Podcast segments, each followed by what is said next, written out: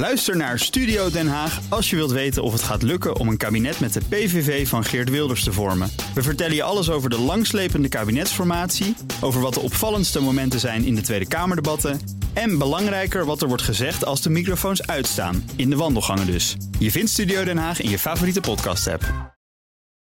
De Friday Move wordt mede mogelijk gemaakt door Arend. Voor een slimme en gezonde werkomgeving. BNR Nieuwsradio.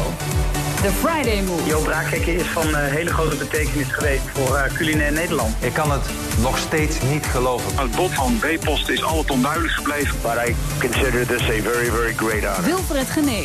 Het is de week dat Geert Wilders schuldig wordt bevonden aan groepsbelediging en het aanzetten tot discriminatie. De PvdA een nieuwe leider kiest en Joop Braakhekken zijn gevecht tegen kanker verliest. We zijn er weer met de Friday Move en DJ Thomas Opsen.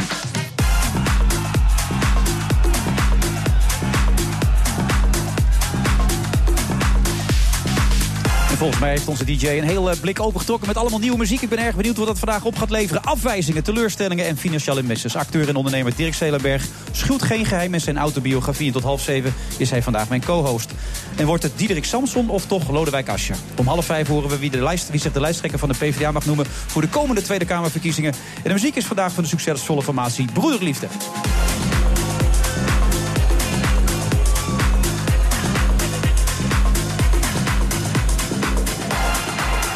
We zijn eh, vandaag op uh, vrijdag 9 december op de Masters of Luxury in de Rij in Amsterdam. Mocht u langs willen komen, dan kan dat. Dat hebben al de nodige mensen gedaan. Ik denk niet zozeer voor ons en voor het programma, maar meer vanwege alle luxe goederen die hier uitgestald staan. En dat doen ze de komende dagen ook nog. Dus daar kan u ook nog even langs voor komen. Dirk Zelenberg is er ook. Dirk, hartelijk welkom. Ja, dankjewel. Jij was hier gisteravond ook al, begreep ik. Ja, ik, ik, ik was hier gisteravond ook, ja. En?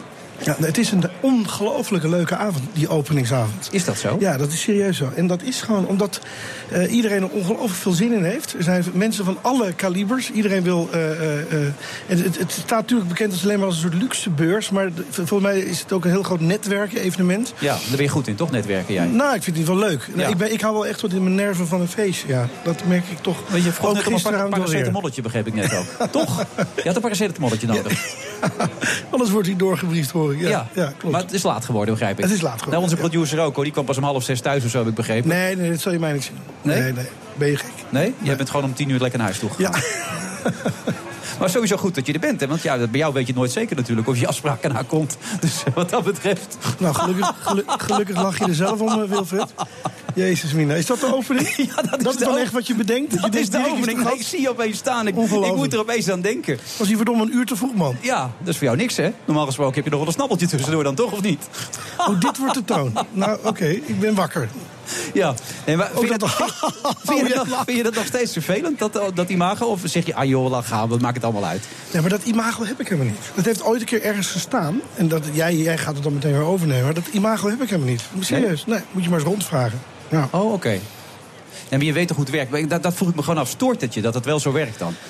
Nou, kijk, weet je wat het is? Als... Uh, uh, um, Zeker als je, dat, als je dus plichtsgetrouwheid uh, hoog in het vaandel hebt staan, dan is dat wel even vervelend. Maar ik, joh, ik kan er echt niet meer, serieus, echt niet meer van wakker van liggen. Echt nee, niet. Nee. nee. want ik bedoel, de mediawereld heb jij vaak genoeg over gezegd, ook tegen mij. Je, je kotst er bijna op, je vindt het walgelijk. Nou, ik, het is niet, uh, ik, ik, hoop niet dat mijn kinderen in de mediawereld uh, te werk gaan. Nee, dat hoop ik niet. Nee, nee, maar in zekere zin ben je er ook nog steeds actief in natuurlijk. Dus wat dat betreft is het wel een dilemma, lijkt mij. Een contradictio in terminis, om maar gelijk een mooie term erin te gooien. Ja, het is inderdaad een contradictio in, in, ja, die ja. ja. Nee, maar hoe, hoe, handel, hoe, behandel je dat dan? Hoe ga je er zelf mee om dan? Nou, ik vind... Um, uh, kijk, het is een probleem, want ik vind acteren ontzettend leuk. Ja. Maar de, de, de, de, wereld waarin je leeft... en de, de, hoe er mensen... Uh, met, je, met je omgaan en, en, en hoe je behandeld vaak wordt... en wat de positie is, daar heb ik af en toe wel uh, moeite mee, ja. En daar vind ik wel eens wat van. Dus dat... Dat, dat, dat, uh, ik neem aan dat je, dat, dat je daarop doet. Ja, nee, dat doe ik ja. absoluut op. Ik kan me ook voorstellen dat je dan een keuze maakt... en zegt, ik wil er niks meer mee te maken hebben. Laat lekker zitten. Laat mij met rust, ik ga heel iets anders doen. Nee, nee, nee. nee. Ik vind acteren veel te leuk. Ondernemen, ja? Ik vind acteren veel te leuk, ik vind ondernemen veel te leuk. En ik, wil gewoon, ik vind het belangrijk om in verschillende werelden werkzaam te zijn. Maar wat is dan wel een leuke wereld? De acteurswereld, is dat een leuke wereld? Onderling? Nou, acteren is heel leuk. Ja. Ik vind het vak letterlijk vanaf actie tot aan stop, dat vind ik te gek. Ja. Toneelspelen is ook te gek. Eh, vanaf het moment dat je oploopt en dat je afloopt. Alleen de praktijk is gewoon niet meer fijn. Je staat tegenwoordig ongelooflijk... Kijk, ik krijg weer het bekende zeurverhaal van, van in de file staan. Maar dat is ook echt zo. Als je naar Breda moet, dan moet je om vier uur weg. Dan sta je, eh, eh, zit je om vier uur, want dan zal je natuurlijk net zien dat je geen file hebt. Ja. Dan ben je om vier uur in Breda. Dan zit je bij de plaatselijke Chinees te eten. En dan moet je gaan optreden. Die, die praktijk is gewoon niet meer zo leuk. Maar alleen het moment van oplopen en spelen voor een zaal, zeker als die vol is, is fantastisch. Maar speel je nog veel op dit moment? Toneel doe ik al twaalf jaar niet. Nee. Mis je dat dan ook? Nee, want ik heb een veel te leuk gezin, een veel te leuke vrouw, veel te leuke kinderen waar ik bij wil zijn. Dus daarom wil ik niet meer eh toneel spelen. Nee. Maar ja, dat heeft, staat toch los van elkaar? Dan kan je nog steeds het toneelspeler wel missen, toch? Of, of zie ik dat verkeerd? Eh, nee, dat, oh, dat bedoel je. Nee, Ja. dat, dat kan je inderdaad los van elkaar zien. Maar ehm, nee, dat, dat mis ik dan niet. Nee, nee. Oké. Maar ik kan, me, ik kan me voorstellen dat ik het wel weer ga doen als mijn kinderen wat ouder zijn. Ja, want de jongste is nu? Eh, vijf. Mijn dochter Bobby is vijf. Ik heb een zoon Kees, die is zeven. En ik heb een zoon Zoe, die is negen. Ja. Nou, nou zei je over dat boek, hè, want je wil eigenlijk niet dat je kinderen worden lastiggevallen met jouw jeugd. Eh, ik wil mijn kinderen niet lastigvallen met jeugd, maar dan schrijf je zo'n boek over je jeugd. Die zullen zij toch ook gelezen hebben inmiddels, toch? Nee, nee, nee. Maar mijn, ik heb net de leeftijd van mijn kinderen genoemd, toch? Ja, nee, maar Vijf, oudste zeven, negen. Mijn kinderen zal- mogen het pas lezen als ze 18 zijn. Tot Ja? hun woede. Ja. Is dat, ze willen hem wel lezen, Ja, ze willen hem heel graag lezen, ja. Ja? Nee, maar ik wil gewoon niet dat mijn kinderen al te vroeg... maar dat heb ik met andere dingen ook... met een aantal dingen uit dat boek eh, geconfronteerd worden. Ik zou ze ook niet met IS-aanslagen helemaal eh, volledig vertellen hoe dat allemaal zit. Nee, maar ik kan me dat voorstellen. Maar dat wordt gewoon op tv uitgezonden. IS op tv, eh, nieuws, noem het allemaal, actualiteitenprogramma. Maar jij kiest er zelf voor om dit allemaal openbaar te maken. Dus Ja. loop je het risico ook dat zij dat natuurlijk op een gegeven moment ook kunnen lezen. Want je weet hoe kinderen zijn. Hè? Nee, maar ik loop Ondeugend het als ze risico, willen. maar dat, dat vind ik helemaal niet erg. En ik was ook helemaal niet van plan om het bij ze weg te houden. Alleen 5, 7 en 9, dat vind ik nog even een andere leeftijd dan, eh, dan als ze straks wat ouder zijn. En het wat misschien wat meer kunnen invoelen en dat ik ze ook wat meer kan uitleggen. Ja, Sommige dingen vind ik serieus te erg om ze daar nu al mee te confronteren. Omdat ik die eh, eh, wereld helemaal nu niet aan hen laat zien. Snap je? Nee. nee, ik kan me dat heel goed voorstellen. Maar dan had het een keuze kunnen zijn om dat tot hun achttiende ook niet op te schrijven, toch? Of zie ik dat verkeerd? Dat dat een keuze kunnen zijn. Maar ik vind als je zo'n boek doet. Ja. Het is geen autobiografie. Hè? Het is zijn 15 Nee. belangrijke pieken en Ja, dalen 13, in mijn 14 of leven. 15. Ik lees, in elk interview lees ik andere eh, eikpunten. Maar 15 punten zijn er dus. Oké, 15. Bij jou vertel ik alleen de waarheid. Oké, dus de, De waarheid. 15 punten uit jouw leven die Pieken als en dalen waar Ja. ik over vertel, ja. En ik vind, als je dan zo'n boek doet, dan moet je ook helemaal vol voor gaan. Dan moet je alles vertellen. Ja, maar dat je vader jou gewoon in elkaar ramt omdat hij in bad zit en jij thuis komt en er geen sleutel bij je hebt, dat vind ik vrij pijnlijk om te lezen. Dat soort dingen, weet je wel. Dat is nogal heftig. Ja, sommige dingen zijn ook niet leuk Nee. wereld, toch? Nee, maar om, om dat risico daarmee in te calculeren, dat als hij straks tien is, die oudste. Je je weet toch hoe kinderen zijn, die gaan toch een beetje op eigen onderzoek uit enzovoort. Dat is toch wel vervelend, lijkt mij. Maar waar maak je je nu precies zorgen Ik om? maak me zorgen om je kinderen. Als jij tegen mij zegt, althans Jan in de interview zegt... van ik wil niet dat mijn kinderen geconfronteerd worden met mijn jeugd... en je schrijft er wel een boek over... dan loop je een, een gro- groot risico dat dat wel kan gebeuren. Ze krijgen het ongetwijfeld ooit te weten. Ja. Is het een beetje succes? Ja, het loopt als een trein. Dat is wel Ja. heel leuk. Het vliegt eh, als kerstcadeautje nu in de Sinterklaas cadeautjes de winkel uit. Dat is wel heel fijn. Nou, dat is wel grappig als het dan niet bepaald een succesverhaal heet... en dat blijkt een succesverhaal te worden. Ja, Ja, ja nee toch? Ja, nee, natuurlijk is dat leuk. Ook Absoluut. weer een contradictio in terminis. In terminus, leuk. Ja. ja, zullen we die als thema Heb erin houden? gelezen, Wilfred? Ik heb het grotendeels door zitten scannen. Ja, grotendeels door zitten scannen inderdaad, ja. Ik zie dat iedereen hier allemaal ja tikt. Leuk hoor, jongens, dank je. ja. Maar heb je het zelf geschreven?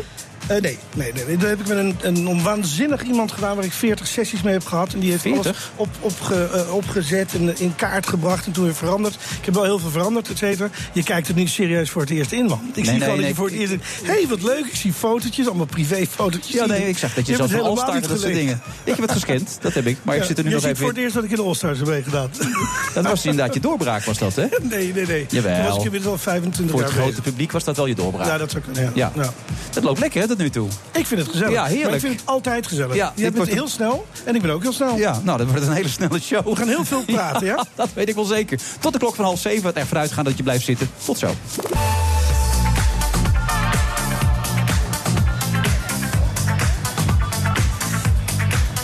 U luistert naar de Friday Move, vrijdag 9 december. We zitten op de Masters of Luxury in de Rij in Amsterdam. En naast mij staat Dirk Zelenberg, die ontzettend genoten heeft van mijn opening zojuist. Dirk, dat was een geintje qua jongens, hè? Denk er wel even aan. Je kent mij toch een beetje, hè?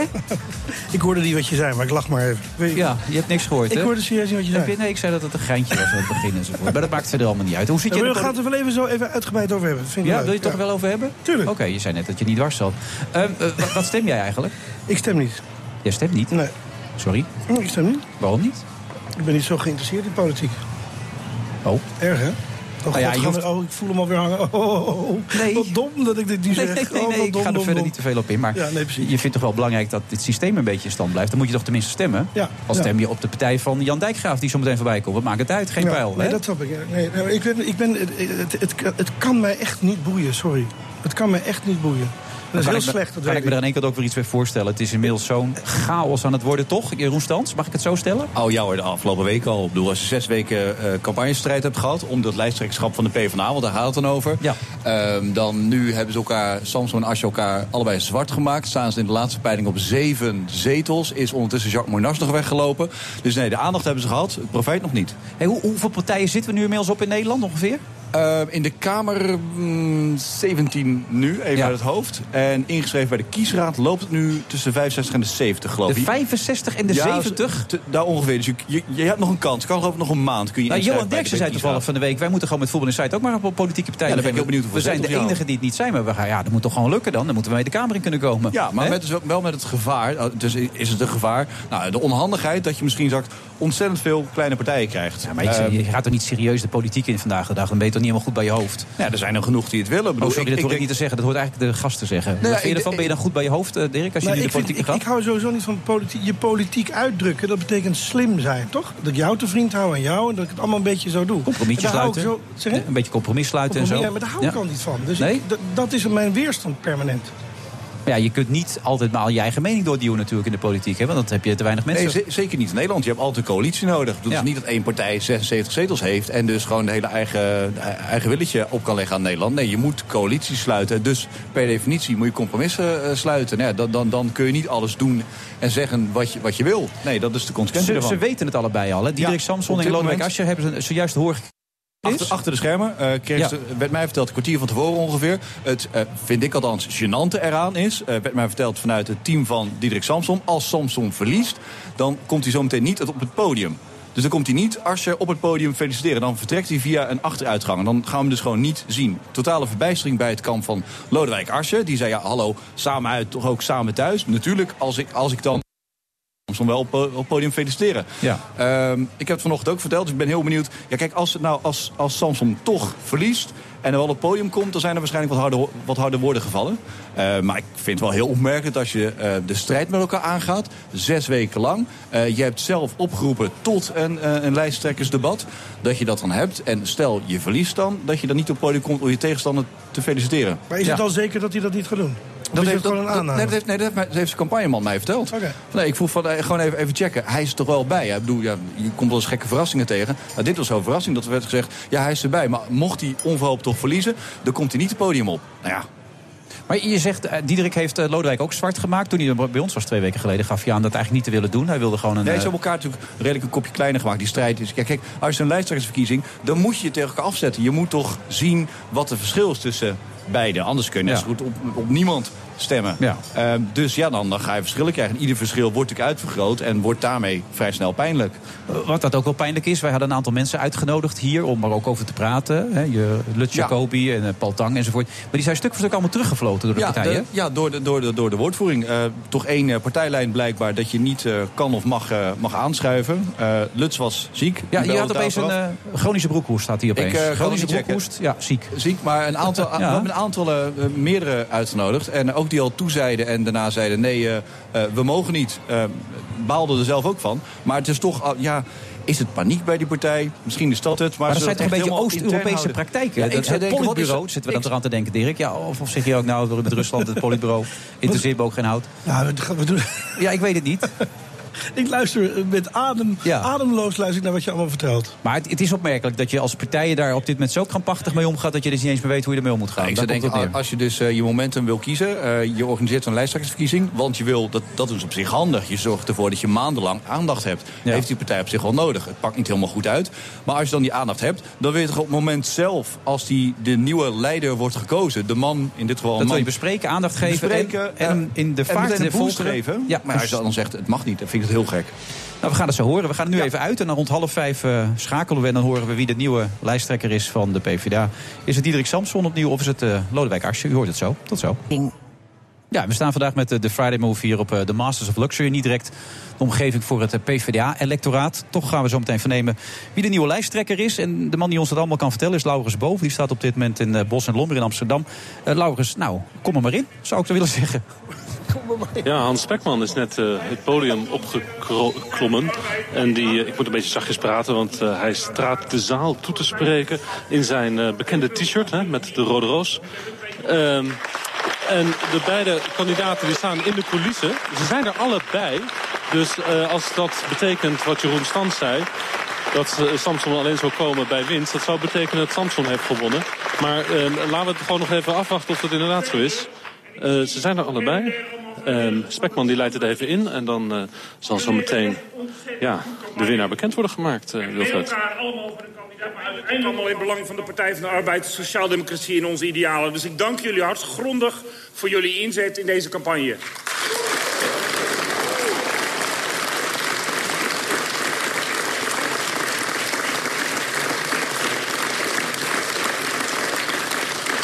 En dan, beste partijgenoten, de uitslag.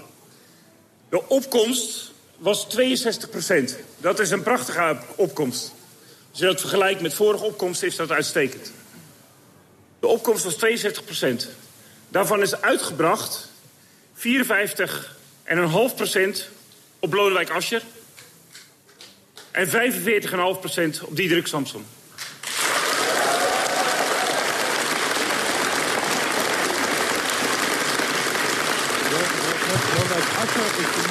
Partijleider van de Partij van de Arbeid. Bijna 55% van de stemmen voor hem. Spekman gaat nog even door. De van de Partij van de Arbeid zal zijn Lodewijk Asscher. Ik wil eerst...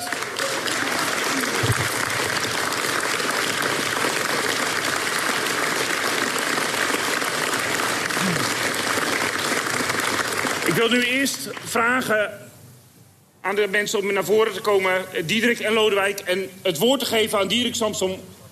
Onze man. Die het zo goed heeft gedaan. Al die jaren die uit de naad heeft gewerkt. We komen allebei het podium op. Samson die uh, kijkt, ja... Um, ernstig met een uh, rechte mond en een rechte streep. Er zit wel een soort van trotse lach in zijn gezicht. Knipoog naar het publiek, een zwaai naar het publiek. Natuurlijk is hij niet blij over deze nederlaag. De twee heren trouwens hebben uh, praktisch hetzelfde aan. Allebei een uh, uh, blauw-grijsachtig pak met een rode stropdas. Dus wat dat betreft zijn ze eensgezind. En na een zeker applaus zal Samson dus zijn leden gaan bedanken. Afscheid nemen als leider. En de vraag is een beetje, Wilfred, blijft hij in de politiek, nog in de Tweede Kamer? Maakt hij direct zijn aftreden bekend? Dat gerucht ging een beetje in Den Haag. Komt Samson. Een prachtige campagne en een welverdiende overwinning. En ik bedank vooral beide campagneteams voor een prachtige strijd. Ik zie mijn team daarachter staan. Jongens, wat een prestatie. Jullie waren onovertroffen. Jullie waren het beste bewijs dat campagnevoeren synoniem is aan plezier maken. En natuurlijk bedank ik ook al die medewerkers van het partijbureau... die de afgelopen weken zo hard hebben gewerkt om alles voor elkaar te krijgen. Partijgenoten, vier jaar lang mocht ik uw politiek leider zijn. Dat was een enorme eer. En ik heb iedere dag alles gegeven. En ik heb van iedere dag genoten. Ja, bijna iedere dag. En ja, ik ben ongelooflijk trots op wat wij samen de afgelopen jaren hebben bereikt. Aan die periode komt nu een eind.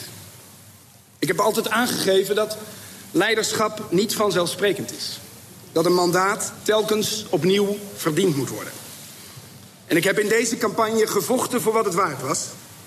Maar de leden hebben anders besloten. Dus ik dank u voor de prachtige jaren. Ik maak een buiging en ik stap van het podium. Ik zal maandag terugtreden als fractievoorzitter en als Kamerlid. Want ik laat nu de ruimte aan nieuw leiderschap.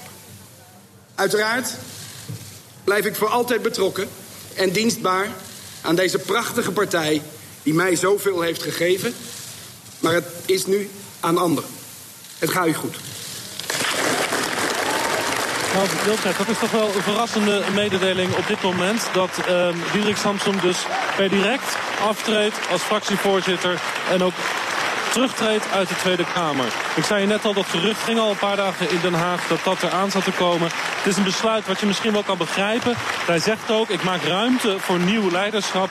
Niks moet nu natuurlijk Lodewijk Asscher in de weg staan om zichzelf als leider te kunnen positioneren. Hij moet alle vrijheid hebben nu in de campagne. Nog een kleine honderd dagen tot de verkiezingen. En dat werkt natuurlijk alleen als hij echt de onbetwiste leider is. Daarom dat Diederik Samson dus per direct weggaat uit de Tweede Kamer. En uh, krijgt een knuffel, een omhelzing van, uh, Diederik, sorry, van Lodewijk Asscher. Een, mooie bos bloemen van Hans Spekman. Gejuich van de zaal. Uiteraard toch een gewaardeerd man die de Partij van de Arbeid naar kleine 40 zetels heeft gebracht bij de vorige verkiezingen. Maar nu is het dan tijd voor Lodewijk Asscher. En ik uh, vermoed, ik weet niet of we dat ook nog van de uitzending, ik vermoed haast van wel. Lodewijk Asscher die zal nu natuurlijk zijn eerste toespraak als de partijleider van de Partij van de Arbeid gaan houden. Zeg wel even dat hij het kort houdt. Ja, we zijn te gast bij de PvdA, Wilfred. ik weet het. Mooi, de speech met de lengte van uh, Fidel Castro of zo dan? Overwinningsspeech? Komt Dames en heren, partijgenoten, dank u wel. Ik ben intens dankbaar voor het vertrouwen dat ik heb gekregen. Zowel van de mensen die al heel lang lid zijn... als van de bijna 3000 nieuwe leden. Sommige van hen zijn terug van weg geweest. Anderen zijn voor het eerst bij onze partij. Wees welkom. Ik wil allereerst Diederik bedanken. Voor de mooie en zware jaren die we achter ons hebben. Voor zijn moed en doorzettingsvermogen. Diederik heeft een geweldige campagne gevoerd. Met een aanstekelijke strijdlust. Ondersteund door fantastische vrijwilligers. Dus hulde, hulde voor die campagne, hulde voor de afgelopen jaren... en hulde voor iedereen die hem de afgelopen weken geholpen heeft.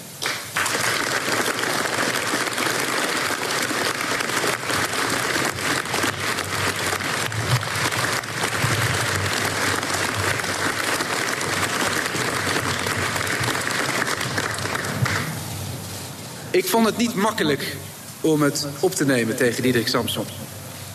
En dat hebben we allebei gevoeld. Maar ik heb het gedaan omdat ik ervan overtuigd ben... dat de tijd waarin we leven vraagt om een andere koers. En met een stem op mij hebben de leden daar ook steun aan gegeven. Die koers zou ik zo willen samenvatten. Een sociale economie. Een fatsoenlijke samenleving. Streng en liefdevol. Maar vooral een Nederland waar iedereen trots op kan zijn.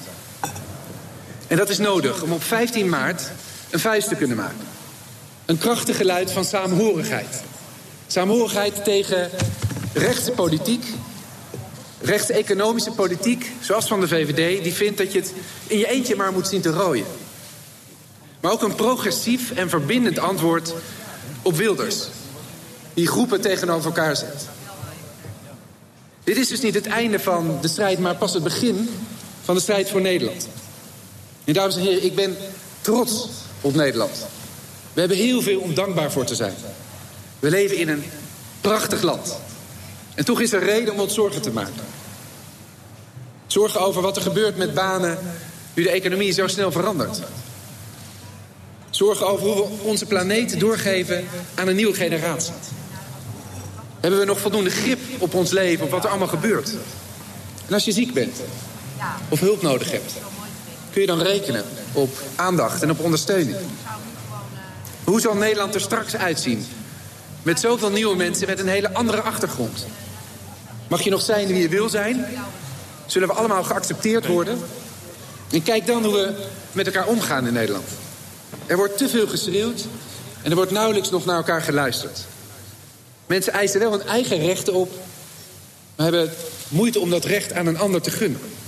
Nou, dat is Lodewijk Asscher, die dus hier zijn toespraak houdt. Zijn overwinningstoespraak, eigenlijk in combinatie met zijn eerste verkiezingstoespraak natuurlijk. Hè.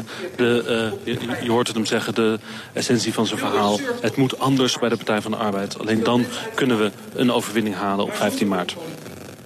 Ja, duidelijk. Dankjewel, Laurens. Ehm, nee, kijk naar jou, Jeroen Stans. Eh, Je kijkt niet eens zo, je was niet eens zo verbaasd, had ik de indruk. Dat dit de uitslag ja, was. Nee, ja, een je voelde de- hem aankomen. Nee, hè? ja, eh, kijk, een van de twee gaat winnen. En, Nee, eh, dat weet ja, ik ook, nee, maar- weet je, ja, nee, ik had echt geen idee wie er zou gaan winnen. Omdat het gewoon, ik heb het vaak ook hier gezegd... het is zo'n black box van 45.000 leden... waar wij heel weinig zicht op hebben, PvdA-leden... die dan hun stem mogen uitbrengen. 62 procent, je zei minder dan de vorige Ja, keer tegen 62 mij. Vorige keer heeft eh, 68% een eh, stem uitgebracht, bijna 70. Eh, toen had je ook meer kandidaten. Toen waren het er vijf, nu maar twee. Toen had je ook misschien nog veel meer te kiezen.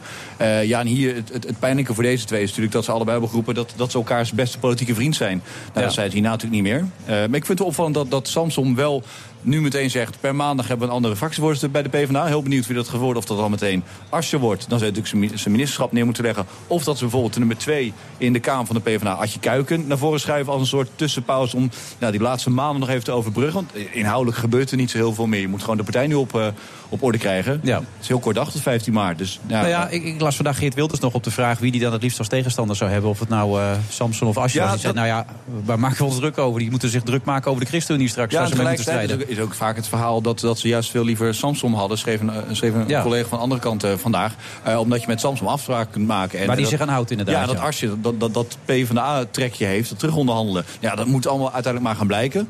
Maar de PvdA-kiezer, de PvdA-leden beter gezegd, wil nu, wil, wil nu Asscher hebben. Aan de andere kant kijk ik er ook niet heel, heel erg van op. Maar ik... Ik had er vanochtend ook over bij ons in de uitzending. We hadden wat Kamerleden gevraagd van wat moet er nou aan gebeuren om überhaupt die PvdA weer een beetje uit het enorme moeras Ja. te trekken. Nou, geen idee. Ja, we moeten een goede campagne voeren. En met een lijsttrekker werd letterlijk gezegd. Ja, jongens, de dat zijn teksten, daar kun je wat. De ideeënloosheid spat er vanaf. Om eens te verzinnen, ja, welke kant moet het dan op? En dan kun je een idee hebben. Maar dan moet je nog even die anderhalf miljoen kiezers. Die Maar dan die krijg je dus steeds dit soort salvende teksten... die we net even mochten aanhoren van, ja, ik eh, weet van niet of Asscher. die, nou, virtueel zijn ze ongeveer anderhalf miljoen leden, eh, anderhalf miljoen kiezers kwijtgeraakt. Nou ja, eh, succes om die nog eh, terug te halen. Het is niet dat ze nu gisteren zijn weggelopen. Die zijn drieënhalf jaar geleden al vertrokken. Ja, dus virtueel zeven op dit moment, hè, ja, zetels. zeven. En één, in één peiling. Een week eerder was in een andere peiling nog 17. Dat gaat ook wel aan, misschien over, over Ja. de, zegt misschien ook Nou veel ja, over de je ziet dat peilingen. Trump kan, eh, uiteindelijk president van Amerika kan worden. Dus Ja. dat werd ook al gezegd. Die, al die dingen die kloppen allemaal niet. Maar het is natuurlijk wel vrij pijnlijk. Even over, jij, jij schrijft niet voor niks dat boek natuurlijk. Hè, voor jou, hè? Niet bepaald een succesverhaal. Hoe voelt Diederik Samson zich op dit moment, denk jij, Dirk Zelenberg? Wat gaat er nu door hem heen? Ik denk dat hij eh, zich heel goed voelt. Je, je bent bij de radio, dat weet je. Ja, dus even in de microfoon. Oh, in de microfoon, ja. Ja. prima. nou ja, ik, ik, ik, eh, ik, ik, ik kan mij serieus, als ik heel ben, niet verplaatsen in iemand als Diederik Samson. Serieus niet. Waarom niet? Ja, weet ik. Ik heb geen Je idee. bent toch acteur, dat moet je toch altijd kunnen? Ja, Gewoon, ik, hè, nogmaals, je in... Wat je net zelf ook al zegt, die zalvende teksten en zo. Ik Ja, dat was Lodewijk gewoon- Asscher, was dat. Ja, dat weet ik wel, maar hij ook, Ja. hij ook vind ik. Het is, het, ik haak gewoon af bij dit soort onderwerpen. Wat ik eigenlijk al eerlijk gezegd eerder zei. Dus ja, het is een beetje, wordt een beetje saai om er steeds op terug te komen. Maar dat is toch echt wel wat ik vind. Ja. Ja. Kun jij je een beetje voorstellen? Jij kent Diederik een beetje. Het is een winnaar. Ik ken hem van vroeger van school. Ik bedoel, hij kan heel slecht tegen zijn verlies. Vroeger Ja. weet ik nog met gymnastiek. Woedend werd hij dan. werd hij- werd hij woedend heel- werd hij. Ja, dan heel werd hij woedend. Ja, ja, hij wil dat- de beste zijn, zeker. Hij altijd de beste Ja? zijn. Altijd willen winnen, inderdaad. Heb ik ook nog niet. hij zat- dat dat je de beste wil zijn, dat ken ik ook helemaal niet, dat gevoel. Nou, vroeger had ik daar wel last van. Ja, Inmiddels ben ik dat wel kwijt. Ja. helemaal niet. Ja, Ja. is ook vrij kansloos in dit vak. Nou, hij krijgt in ieder geval meer tijd om gewoon wat, wat, wat te doen... waar hij misschien wat minder boos aan wordt. Maar hij heeft vaker gezegd, ik wil er alles voor geven. En hij heeft ook alles voor gegeven. Ik bedoel, zijn hele privéleven heeft hij ervoor opgeofferd. Scheiding, Eh, alles. alles scheiding. Ik bedoel, Ja. Alles heeft hij voor zijn kiezer gekregen. Ja, natuurlijk zal hij ongelooflijk balen als stek. En ik denk de komende tijd dat, je, dat, dat hij niet echt veel zin heeft om met mensen te praten. Kan ik me zo voorstellen. Vorige verkiezing afkoelen. is het gelukt. Hè? Bijna, 40, Ja. bijna 40 zetels. Dat was eigenlijk zijn verdienste. Hij ging op het podium staan, trok een pak aan, deed een das voor... en was opeens een andere Diederik. Samson.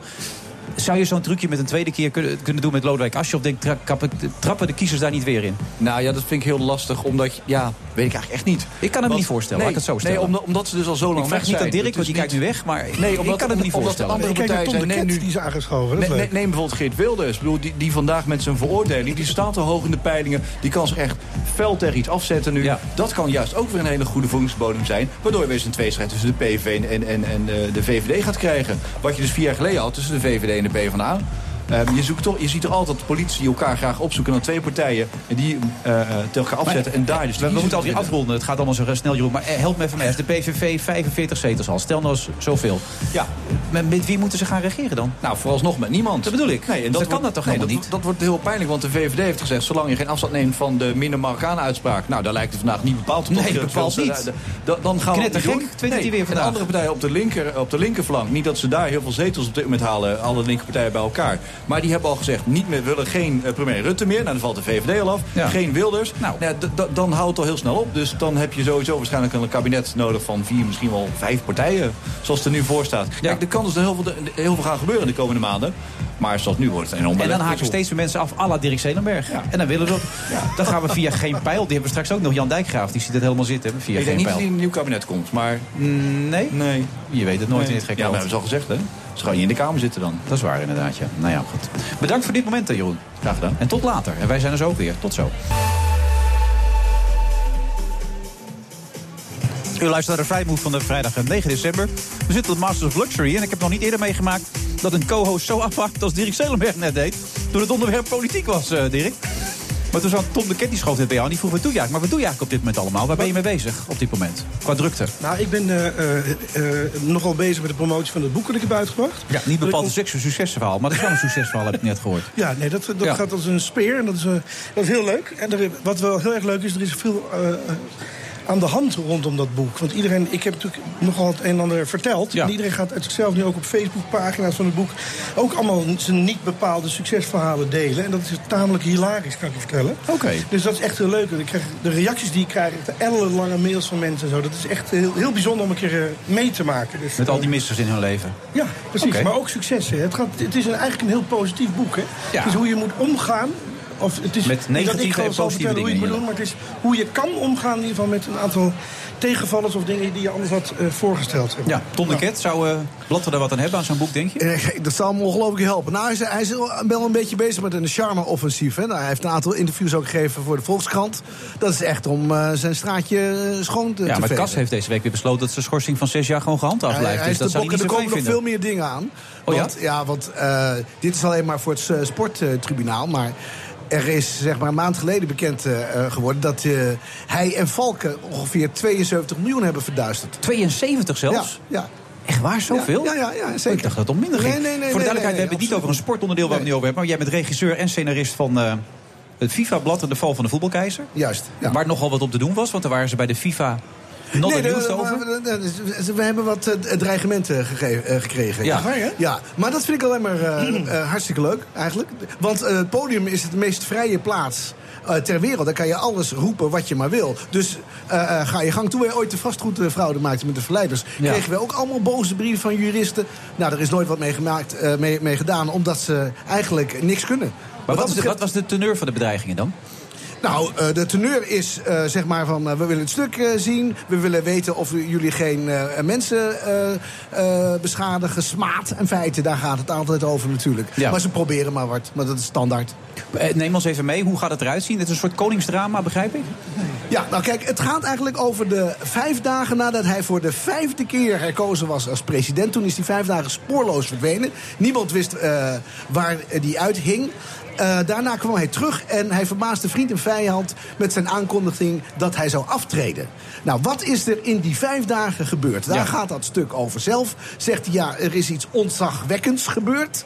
Maar eh, dat geheim neem ik mee in mijn graf. Nou, ik geef daar een antwoord op. Maar dat heb je volledig zelf uit je duim gezogen? Nee, nee, natuurlijk niet. Oh. Ik heb me laten, ontzettend veel laten documenteren. Er zijn zo ontzettend veel eh, eh, stukken, boeken over geschreven. En ja, eh, eh, daar, toen heb ik natuurlijk wel mijn eigen fantasie gebruikt daarover. Ja. Maar het is wel op feiten gebaseerd. Ja, dus het zal dicht bij de waarheid zijn, maar je weet het Ja, niet maar dit helemaal is een zeker. verhaal wat is eigenlijk eh, feiten vreemder dan fictie, zou je kunnen zeggen. Want Is je- eigenlijk een nieuwe theatervorm die jullie doen? Zit ik opeens te denken. Jullie stellen echt dingen aan de kaak. Is nou dat- ja, kijk, je dat hebt een het nu over de verleiders. Dit, Ja, heb dat is ik- een ja. dit eh, breng ik niet uit als eh, onder de verleiders. Dat Oké. is van Janke Dekker Producties. Dus dat betreft is, dat, eh, is dit ook een andere soort vorm die wij eh, hanteren. Maar bijvoorbeeld de Verleiders, is dat een andere theatervorm? Heeft dat een bepaalde Nou ja, wij hebben een soort, naam? wat ik zeg, eh, ja, een hybride theatervorm zeg ik wel eens. Oh ja?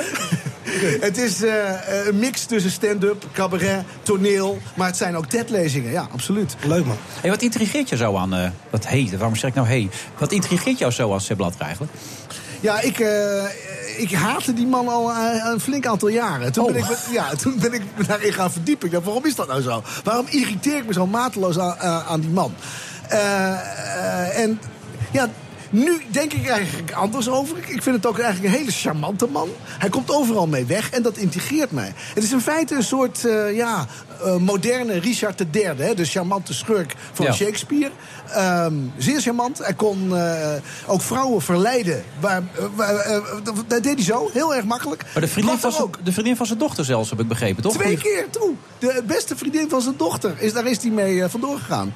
Ja, dat dus is, hij, hij heeft iets magisch, zeg maar. Hij was vroeger gewoon entertainer, hè? Toen hij begon in zijn jonge jaren. Ja, hij is wedding singer, entertainer. Uh, en... Wedding singer, ja. ja, nou leeft Dirk Zelenberg op. Ja, ja. nou slaat hij aan inderdaad. Nee, ik ken hem niet uit het vak, hoor. Nee. uh, dus ze zeggen wel eens, het is pas uh, feest als Sepp is geweest.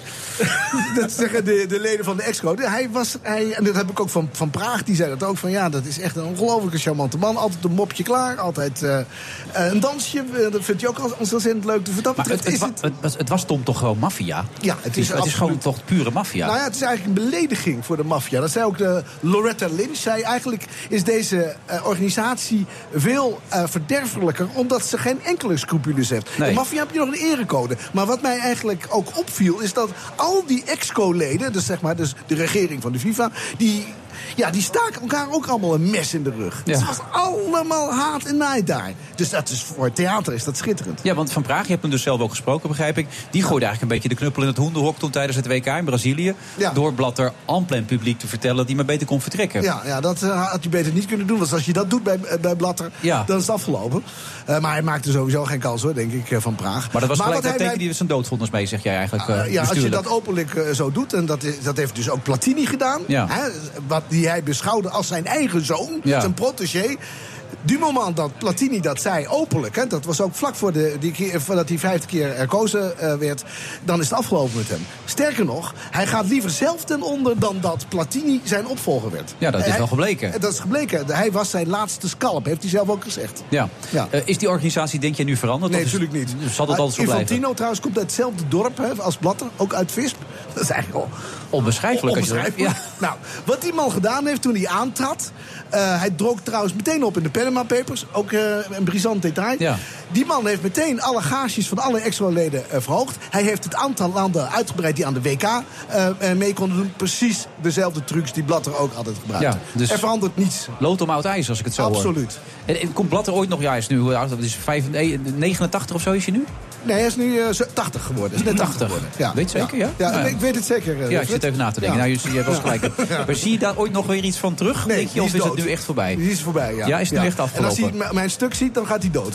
Dus dat, uh, oh, hij gaat daar dood? Ja, dan, dan, nee, nee, dan krijgt hij een hartaanval. Ja, is het zo erg? Ik, ik hoop het, ja. ja. Oh, je zei dat je geen enkel aan hem had net. Dat je hem wel sympathiek en charmant begon te vinden. Ja, maar ja, dat is een doodskus. Zo kun je het zien. Oké, okay. ga je daar naartoe, Dirk? Denk je als je dit zo hoort? Ik, ik vind het wel interessant wat Ik denk dat ik wel even naartoe ga, ja. Ja, wie, wie speelt Blatter eigenlijk? Uh, Paul Kooi. En je denkt, ja, dus eigenlijk lijkt hij er niet op. Als hij uh, in de schmink zit en hij transformeert als Blatter... Twee druppels water. Dat is echt fantastisch. Trouwens, een mooi filmpje staat, een trailer hebben gemaakt, dan kan je het zien. Dan oefent hij de val. Uh, hij is de val van, die wij altijd uitzenden. Ja, ja, die zullen wij ongeveer 623.000 keer uitgezonden hebben, die Precies, valpartij. Daarom, en, en dan elke keer zeggen, hé, hey, we hebben een nieuw filmpje. Ja, en ja. daarom kan je, kan je onze trailer laten zien. Dan zie je Paul Kooi die val oefenen. Echt waar? Ja, hilarisch filmpje geworden. Maar kunnen we dat gebruiken vanavond voor de uitzending? Absoluut. Ja? Ja, Oh, dan ga ik het even meenemen in de uitzending. dat is misschien wel humor om te lachen. Ja, dat is humor om te lachen. Heb je nog een vakvraag voor je collega, Tom? Echt een vakvraag dat je zegt van als acteurs onder elkaar? Het duurt een beetje lang. Uh.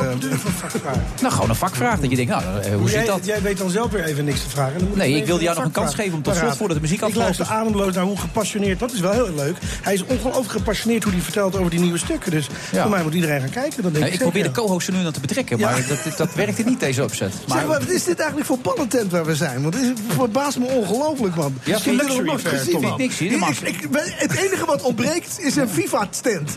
Eigenlijk. Nou, die zul je niet tegenkomen, Qua het grote geld. Jezus, ongelooflijk zeg. Oh, een FIFA-stand op die manier. ik dacht dat je de FIFA dat blad nee, invloeden. FIFA, FIFA. Ja, nee, ja, die horen... Die ja, horen hier echt thuis. Ja, dat wil 10 stands hier kunnen neerzetten. Ja. Christus, ja. Moet je, nou ja, goed. Nou, we gaan met z'n allen naar de voorstelling toe. Wanneer is hij eigenlijk? Wanneer begint het eigenlijk? Wanneer kan je me zien? Uh, 16 uh, januari is de première in Hoorn. En de try-outs beginnen op 1 januari. Oh, nou, dan ga je met z'n allen toe.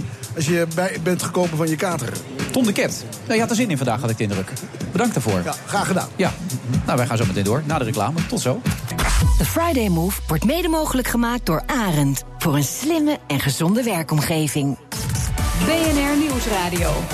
The Friday Move. Joop Braakhekken is van uh, hele grote betekenis geweest voor uh, culinair Nederland. Ik kan het nog steeds niet geloven. Het bod van B-post is altijd onduidelijk gebleven. But I consider this a very, very great honor. Wilfred Genee. The Friday Move live vanaf de Masters of Luxury. De muziek, DJ Thomas Robson.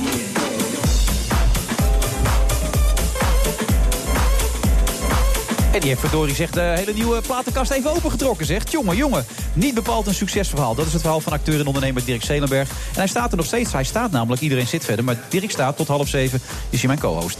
We praten over... heel veel energie te geven, merk je dat? Heel veel energie geef ik in het programma. Ja. je dat door? Nee, dat was nog niet opgevallen.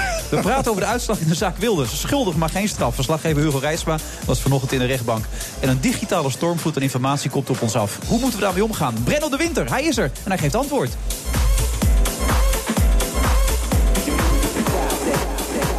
En dat allemaal eh, live eh, op vrijdag 9 december. De Masters of Luxury. Naast mij Dirk Zelenberg. Dirk, als ik zeg klootzak, wat denk je dan? Wat onaardig. Ik kom speciaal voor jou naar deze show. Oh, oké.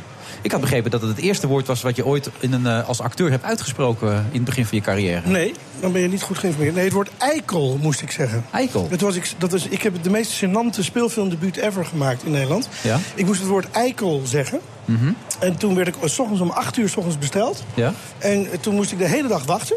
En toen was ik pas om zes uur s middags aan de beurt. Toen was ik de hele dag. Ik, ik ging dachten, ik ga natuurlijk nu mijn speelfilmdebuut maken. Ja. En toen was ik zo nerveus toen ik om zes uur s middags aan de beurt kwam. Dat ik het woord. Toen versprak ik me en ik zei kijkel. Kijkel? Dus ja, dus gewoon een, een, wat niet eens kan qua vergissing. Dus iedereen hilarisch, gillend van de pret lagen op de grond van het lachen. Ja. En toen zei ze, nou, we, we, we, doen, we, maken nog wel goed in de edit. En toen kwam ik later dus op de, de première met mijn moeder. Toen dacht ik, nou, leuk, speelfilmdebuut. En toen was het dus nagesynchroniseerd door een man van 50. En die zei, eikel. Dat was mijn speelfilmdebuut. Dus meer, ja. En dat, smaakte dat, dat is nou niet bepaald een succes. Nee, maar dat smaakte naar meer gelijk, toch? Het smaakte meteen naar meer. Ja, ja. Kijkel, dacht je bij jezelf, dit is het. Ja. Kijkel? Nee, ik vind... Ik, vind, Kijkel. ik had toen wel uh, voor het eerst bij zo'n speelfilm... Ik dacht al, dat had je wel eens eerder Kijkel gezegd? Of was dat echt nee, de eerste keer? Nee, dat is nou zo hilarisch eraan. Dat is een vergissing die je niet eens doet, ooit. Het, inspireerde wel, dat is de vraag eigenlijk. Ja, absoluut. Ja, dat is een gesloten vraag, dus ik kan alleen ja zeggen. Waar, waarom inspireerde het dan? Ik vind uh, op zo'n filmset, toen ik daar voor het eerst rondliep... dacht ik wel, uh, hier wil ik uh, vaker staan, ja. En toen, ja, toen is een soort honger bij mij wakker geworden. Ik, ben, ik was iemand die vanaf zijn veertiende echt heel veel alleen in de Schouwburg zat. Allemaal voorstellingen kijken. Ehm, soms ging er wel eens een vriendje mee, maar over het algemeen zat ik er alleen. Echt om te kijken wat ik goed vond, wat ik goede acteurs vond, wie wel wie niet. Ja. Wat voor genre ik goed vind. Dan ging ik naar Jos Brink en dan ging ik weer naar die en die. Jos Brink? Dat vond ik echt fantastisch. Ik, vond, ik heb echt alle... Jos Brink? Ja, Jos Brink. Ja? Ik ging, dus ik ging naar musicals van Jos Brink, maar ik ging oh, naar okay. acteurs, naar Pierre Bokma, Shakespeare. Ik keek echt alles wat er zeg maar uh, aangeboden werd. Oké, okay. en het was zo inspirerend dat je dacht... ik ga naar de toneelacademie, maar dat, dat lukte dan net weer niet. Nee, dat toch? lukte niet helemaal. Nee. Ik heb vier scholen geprobeerd. Ja. Uh, Amsterdam, daar had ik in het begin uh, beslist talent, maar was ik te jong. De tweede keer liet ik te weinig kwetsbaarheid zien.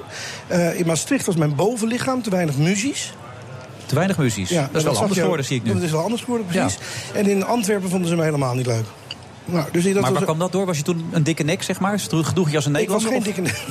Nee? Dat noemen ze ook diknek. Uh, dat nee, nee, ik was geen diknek. Ik was toen nog heel... Uh, nee, niet letterlijk bedoel ik. Nee, ik bedoel, ze noemen Nederlanders diknek... omdat ze vaak uh, een grote mond hebben, zich een beetje irritant Nee, gedragen. helemaal niet. Nee, nee, nee. Maar ik wilde gewoon heel erg graag. En die man zei... Er zat overigens achter de tafel een hele dikke man.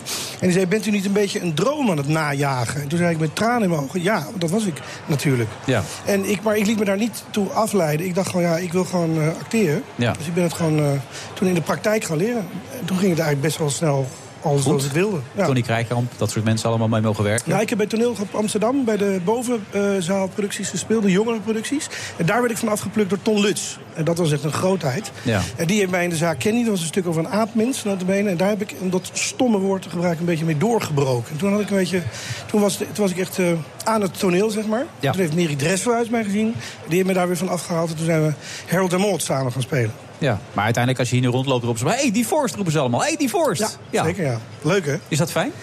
Ja, ik vond de Divorce een fantastische productie. Daar ben ik ontzettend trots op. Ik ben heel erg uh, dankbaar dat ik daarin mee heb mogen spelen. Omdat Ja. het een productie is geweest waar goede spelers, goede scripts, goed geproduceerd, groot gebracht. Het, liep als een uh, trein. Mensen vonden het te gek. Toen nog populair notabene. Dus het was een geweldige productie, ja. Je hebt ongelooflijk veel gedaan. We hebben getracht om jou toch even te vangen in een audiopietje. Dat heb ik natuurlijk niet gedaan. Dat heeft onze eigen DJ gedaan. Leuk. En die klinkt als volgt. Ja, luister mee. 3000 euro? Je bent gestoord, dat is 30.000 euro waard. Ik voel paniek, ik voel paniek, ik voel paniek, ik voel paniek, paniek, paniek, paniek, ik voel paniek. Nee, naar de mond gaat eruit, ik ben te dik. Die willen nou vriendelijk. Die gaat over trouwen, daar zit toch niks vriendelijks aan? Ik ben te oud, die klote tv-wereld. Die absolute klote tv-wereld. Kan je alsjeblieft ophouden met die pleurismuziek? Wat jij hier ziet, dat zijn de voorbereidingen op een loopgravenoorlog. En daar ga jij mooi bij zingen.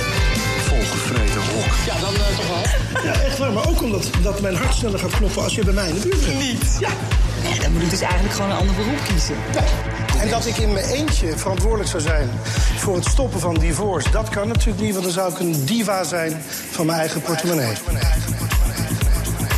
Oh, daar eindigt het ook nog mee. Nou, dan kun je er gelijk even op doorgaan. Ik bedoel, daar openen we als, voor, grap, als voor de grap mee deze uitzending. Dat vond jij geen grap, maar ik bedoel, dat verhaal was niet fijn. En wat is de vraag dan nu? De vraag is, hoe ben je daarmee omgegaan? Nou, ik zou je En vertellen, Wild, ik, ben, ik heb me nu meer dan een jaar serieus daartegen verdedigd. Ja. Ik ben er echt wel een beetje mee klaar. Kun je Oké, dat voorstellen? Dat kan ik me heel goed voorstellen. Ik wil echt over, over alle onderwerpen wil ik eh, praten, maar Ja. ik, ik ben serieus al Maar meer mis dan je een het? jaar bezig. Man. Mis je het? Of ik wat mis? Die, die vorst, ik lijkt me hartstikke Nee, leuk die serie vorst was klaar. We hebben het vier jaar gedaan. Het was echt te gek. We vonden het geweldig allemaal.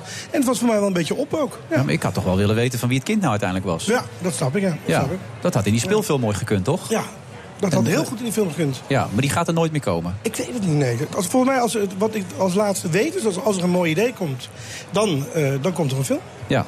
Maar zou je graag weer zoiets willen gaan doen? Weer zo'n Ja, maar dat serie? kan helemaal niet. Zo'n succes als die voorst, dat kan je helemaal niet nog een keer meemaken. Dat maak je serieus één keer in je leven mee. Maar ik zou graag nog willen spelen. Mooie rollen, eh, eh, toneelrollen misschien ook nog wel, of filmrollen. Maar ook Ja, in zo'n soort serie zou je wel weer willen spelen. Eh, Maar Wat is zo'n soort serie? Nou ja, een hitserie, maar goed, dan zeg je dat kan niet op dat niveau waarschijnlijk. Maar gewoon een Nee, het gaat niet over niveau. Het gaat over het. eh, eh, het is echt een uniek eh, eh, ding geweest. Omdat het zo'n ongelooflijk eh, goed bekeken serie is geweest. Ja. We sloten af met bijna 2,5 miljoen kijkers. Hè? Ongelooflijk, Dat is echt hè? fantastisch. Ja. Ja. Enorm. En dat begon met Kijkel. Dat is toch niet te geloven als je erover nadenkt. Ja, als je daarover nadenkt. Je begint met Kijkel en opeens zit je op 2,5 miljoen kijkers. Leuk, hè? Ja. Ja. Spijt nog ergens van?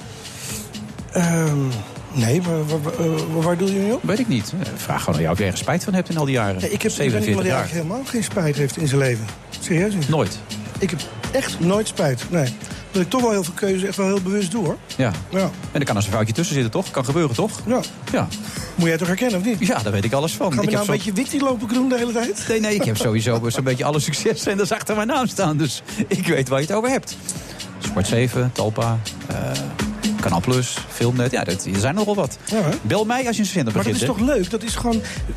Het is leuk. Jij moet ook zo'n boek maken. Het is juist leuk dat mensen die ook presentator willen worden... in die entertainmentwereld, Dat in ik de even uit ga leggen hoe dat Nee, moet. maar dat je vertelt waar je mis is. Dat is namelijk veel herkenbaarder voor mensen. Ja, maar die vinden iemand, dat leuk. Er is al iemand voor mij geweest. Niet bepaald succesvol. Hij heet Dirk Zelenberg. Maar hij staat hier nog tot de klok van half zeven. Dus we kunnen er nog even over door.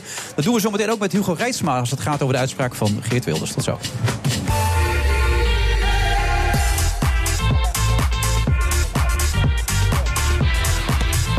Friday Move vrijdag 9 december. We zitten op de Masters of Luxury. Dirk Zelenberg staat naast mij. Hij is de co-host. Eh, geniet je wel een beetje ook ondertussen hier? Ja, ik vind het leuk, joh. Maar even serieus. Heb je, als je hier een beetje rondkijkt... loop je van fantastische mooie vrouwen.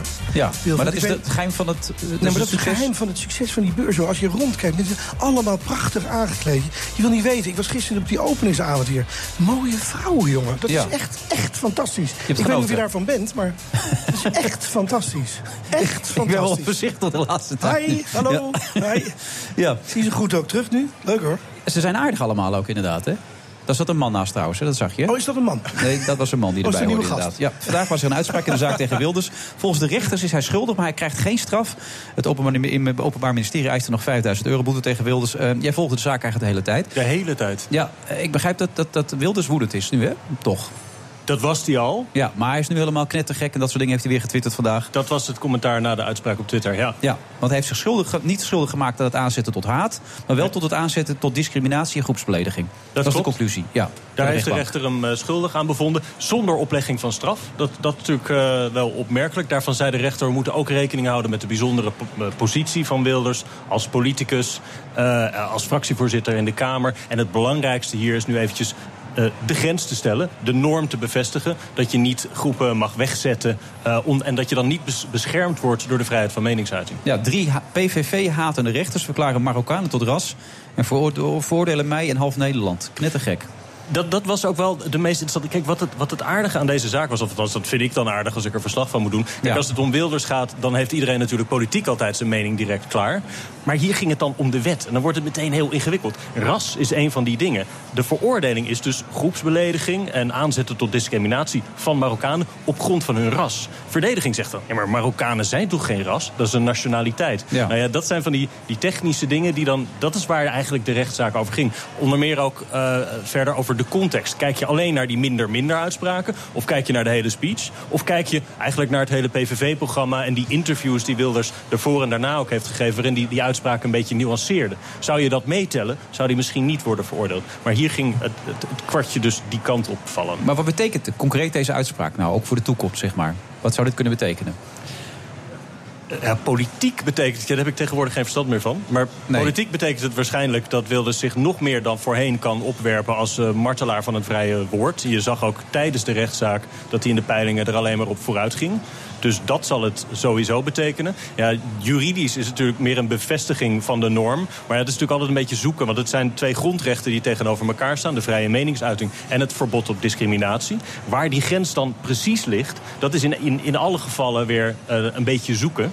En dat was dus in elk geval het belangrijkste voor de rechter, zei hij... om hier vast te stellen dat deze uitspraken, dat minder-minder geschreeuw... dat dat over de grens was. Wat vind jij ervan, Dirk? Van deze uitspraak? Ja, wat moet ik daar dan van vinden, joh? Ja, weet ik veel. Je zal toch wel een mening dan hebben? vinden, joh? Nee, ik vind er helemaal niks van. Nee? Nee. Dat is ook wel eens gezond. De meeste mensen vinden er heel veel van. Weet je, als je dan te gast bent in zo'n programma als dit... dan hoor je Ja, je- meteen...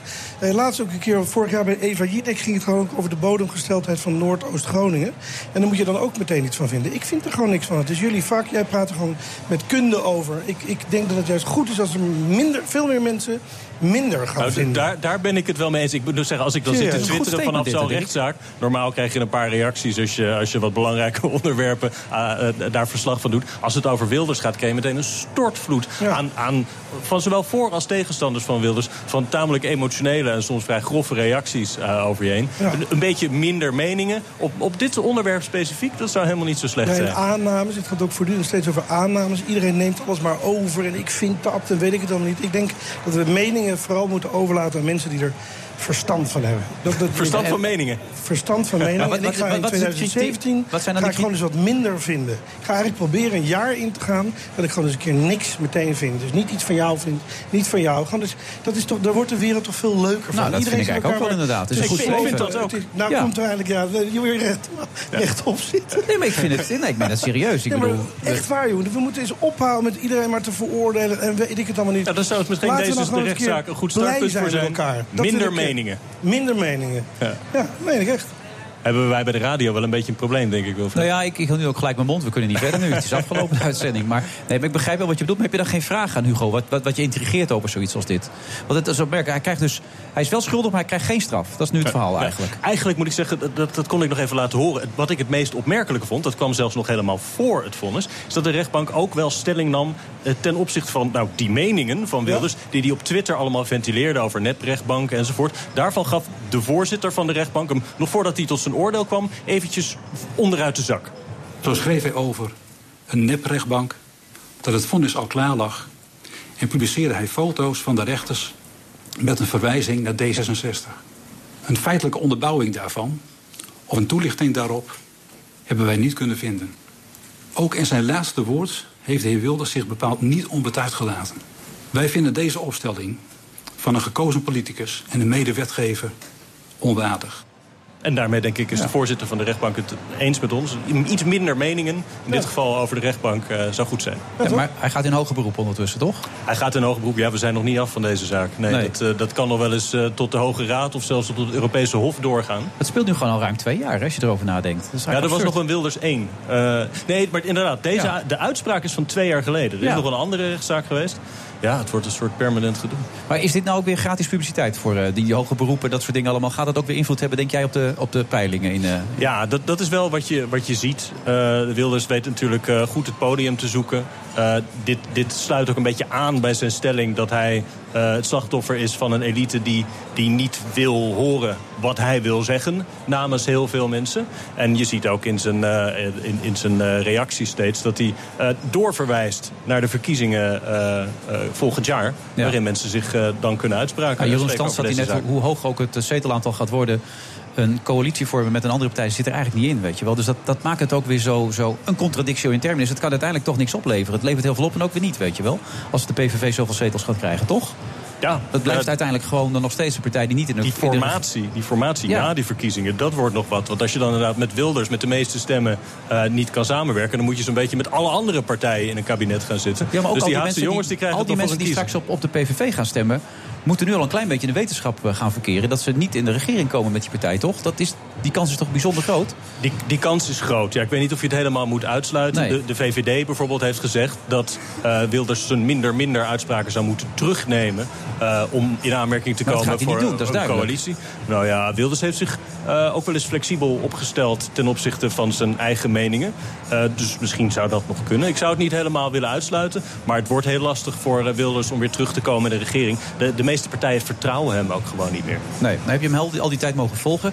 Eh, heb je ook een bepaald gevoel bij de man gekregen? Heb je een bepaald begrip voor hem kunnen ontwikkelen? Of, of is er iets met je gebeurd in die periode? ik heb er steeds minder gevoel bij, eh, moet ik eigenlijk eh, zeggen. Toen hij net uit de VVD eh, was getapt, toen zat ik in, in Den Haag. Toen zat hij heel zielig in zo'n torenkamertje achter een brandkastdeur met allemaal beveiliging. Toen was hij heel blij als mensen van de pers op bezoek kwamen. En toen had ik, kon ik wel goed met hem, met hem praten.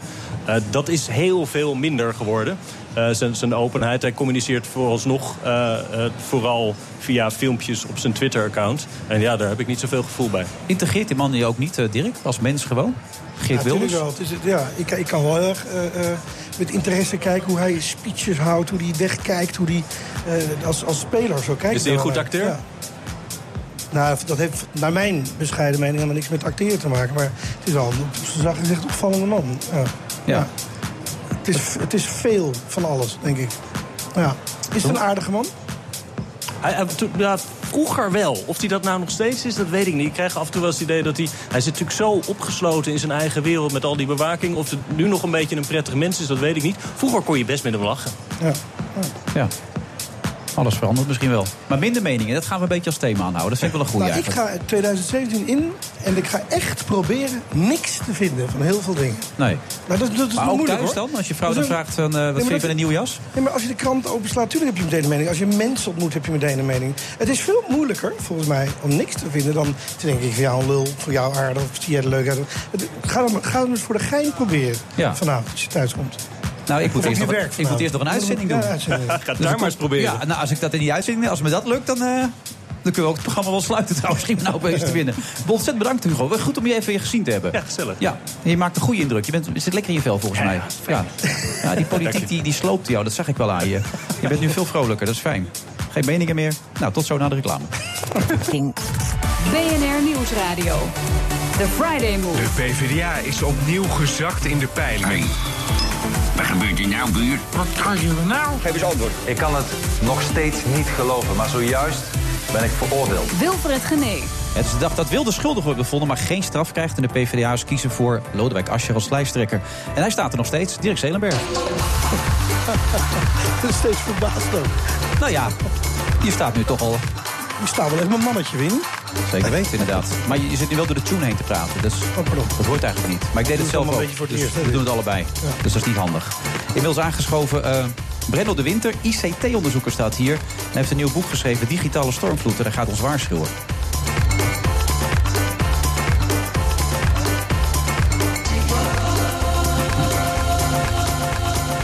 Word je nog... Hartelijk welkom trouwens, Brenno. Sorry? Hartelijk welkom. Dank je wel. Oh. Fantastische beurs trouwens. Vind je het echt heel fantastisch? Nou, heel erg bizar van alle dingen die ik niet kan kopen... maar wel echt heel erg stoer zijn om te zien. Wat zou je graag willen kopen, Brenno? Ja, ik heb wel een boot gezien waarvan ik erg vrolijk word. Die en heel erg snel gaat en een enorme kajuit heeft... en eh, een metertje of eh, 15 lang. Oké. Nou, ja. Ja, ja, Ja. toch? Ja, ik zou er niet blij van worden, hoor. Ja? Nee? Nee. Nou, nee, want ik zou me Je niet weten wat je ik moet kwijt moet. vrienden hebben met een boot. Vrienden, en Ja. dan lekker meegaan. En dan lekker meegaan. Nou, Brenno, er zit wat in Maar dan moet je eerst de boot hebben, anders wordt het hem ook niet. Word je nog een beetje in de gaten gehouden trouwens, eh, Brenno, op dit moment door de Veiligheidsdienst? Of is het, eh, ik heb er geen flauw idee van. Nee? Ik merk er in ieder geval niets van. Nee, hij is gewoon een beetje de Edward Snowden. Hè? Van, daar hebben we de vorige keer over gehad in de uitzending. Dat hij gewoon in de gaten werd gehouden. Zijn moeder en een gedoe allemaal enzovoort, toch? Hè? Ja, nee, dat klopt helemaal. Ja, maar nu heb je een nieuw boek uitgebracht. En dat, eh, nou ja, goed, ik zei het al, Digitale Stormvloed. En ik heb nog even het, het, het- het stukje helemaal aan het eind gelezen. En daarin heb je het ook over dat je het over kansen hebt. Maar naast die kansen wil ik ook graag de dreiging benadrukken. En dat vond ik nogal dreigend klinken ook toen je dat zo schreef. Is dat ook zo dreigend? Nou, wat, wat er aan de hand is, we zijn aan het verhuizen van een eh, industriële samenleving naar een informatiesamenleving. Nou, dan kunnen opeens heel veel dingen meer. Maar wat het grote probleem is, is bijvoorbeeld dat mensen massaal hun baan verliezen. Eh, dat eh, we risico's lopen qua beveiliging, dat er privacyvraagstukken zijn, nou, al dat soort dingen. En eh, als je daar geen antwoord op hebt of daar niet over nadenkt, ja, dan mis je eh, op een aantal dingen gewoon eh, hele belangrijke thema's. En heb je geen aansluiting bij de samenleving meer. Nee. Nou, wat je bijvoorbeeld ziet in de politiek, en dat is ook een belangrijk voorbeeld in het boek, is dat er nooit vanuit technologie wordt gedacht. Er wordt altijd gedacht uit wat vroeger zo was en dat moet eigenlijk zo blijven en dat gaan we een beetje bijsturen. Ja, en de veranderingen zijn behoorlijk radicaal. En daar zul je dus op een antwoord op moeten vinden. Zowel als politiek, als bedrijfsleven, als ook wij gewoon als burgers. Ja, en dat doen we te weinig als ik jou zo hoor. Ja. En hoe, zo- hoe, hoe moeten we dat dan doen? Hoe, hoe ziet dat er concreet uit Nou, dan? laat, laat me één voorbeeldje geven. Twee mag ook hoor. Ja, nee, dat gaan we zo nog eentje doen. Oké, leuk. Eén voorbeeldje is denk ik... ehm, door de robotisering en de dingen als nieuwe technologieën als een, eh, een blockchain... waardoor je bijvoorbeeld ja, transacties volledig geautomatiseerd kan laten gebeuren... en eh, dat je bijvoorbeeld bij een financieel systeem geen bank minder zou nodig hebben... zouden er, of gaan er, heel veel banen verloren. Ja. Als je dan kijkt dat de inkomsten van de BV Nederland... voor 60% bijna afkomstig zijn van uit arbeidsgerelateerde heffingen... dan is dat een, een, een teken... daar moet je als politiek eigenlijk iets mee gaan doen. Je zult je financiële Ja. huishouding anders moeten gaan inrichten. Zo- zoals ooit met het gas, dat we onze begroting ook hadden gebaseerd op het gas voor, tot in de oneindigheid, is dit natuurlijk ook een factor. Dit is ook zo'n moment. En eh, op een aantal van dat soort problemen wijs ik. Eh, ik wijs ook op een heleboel kansen.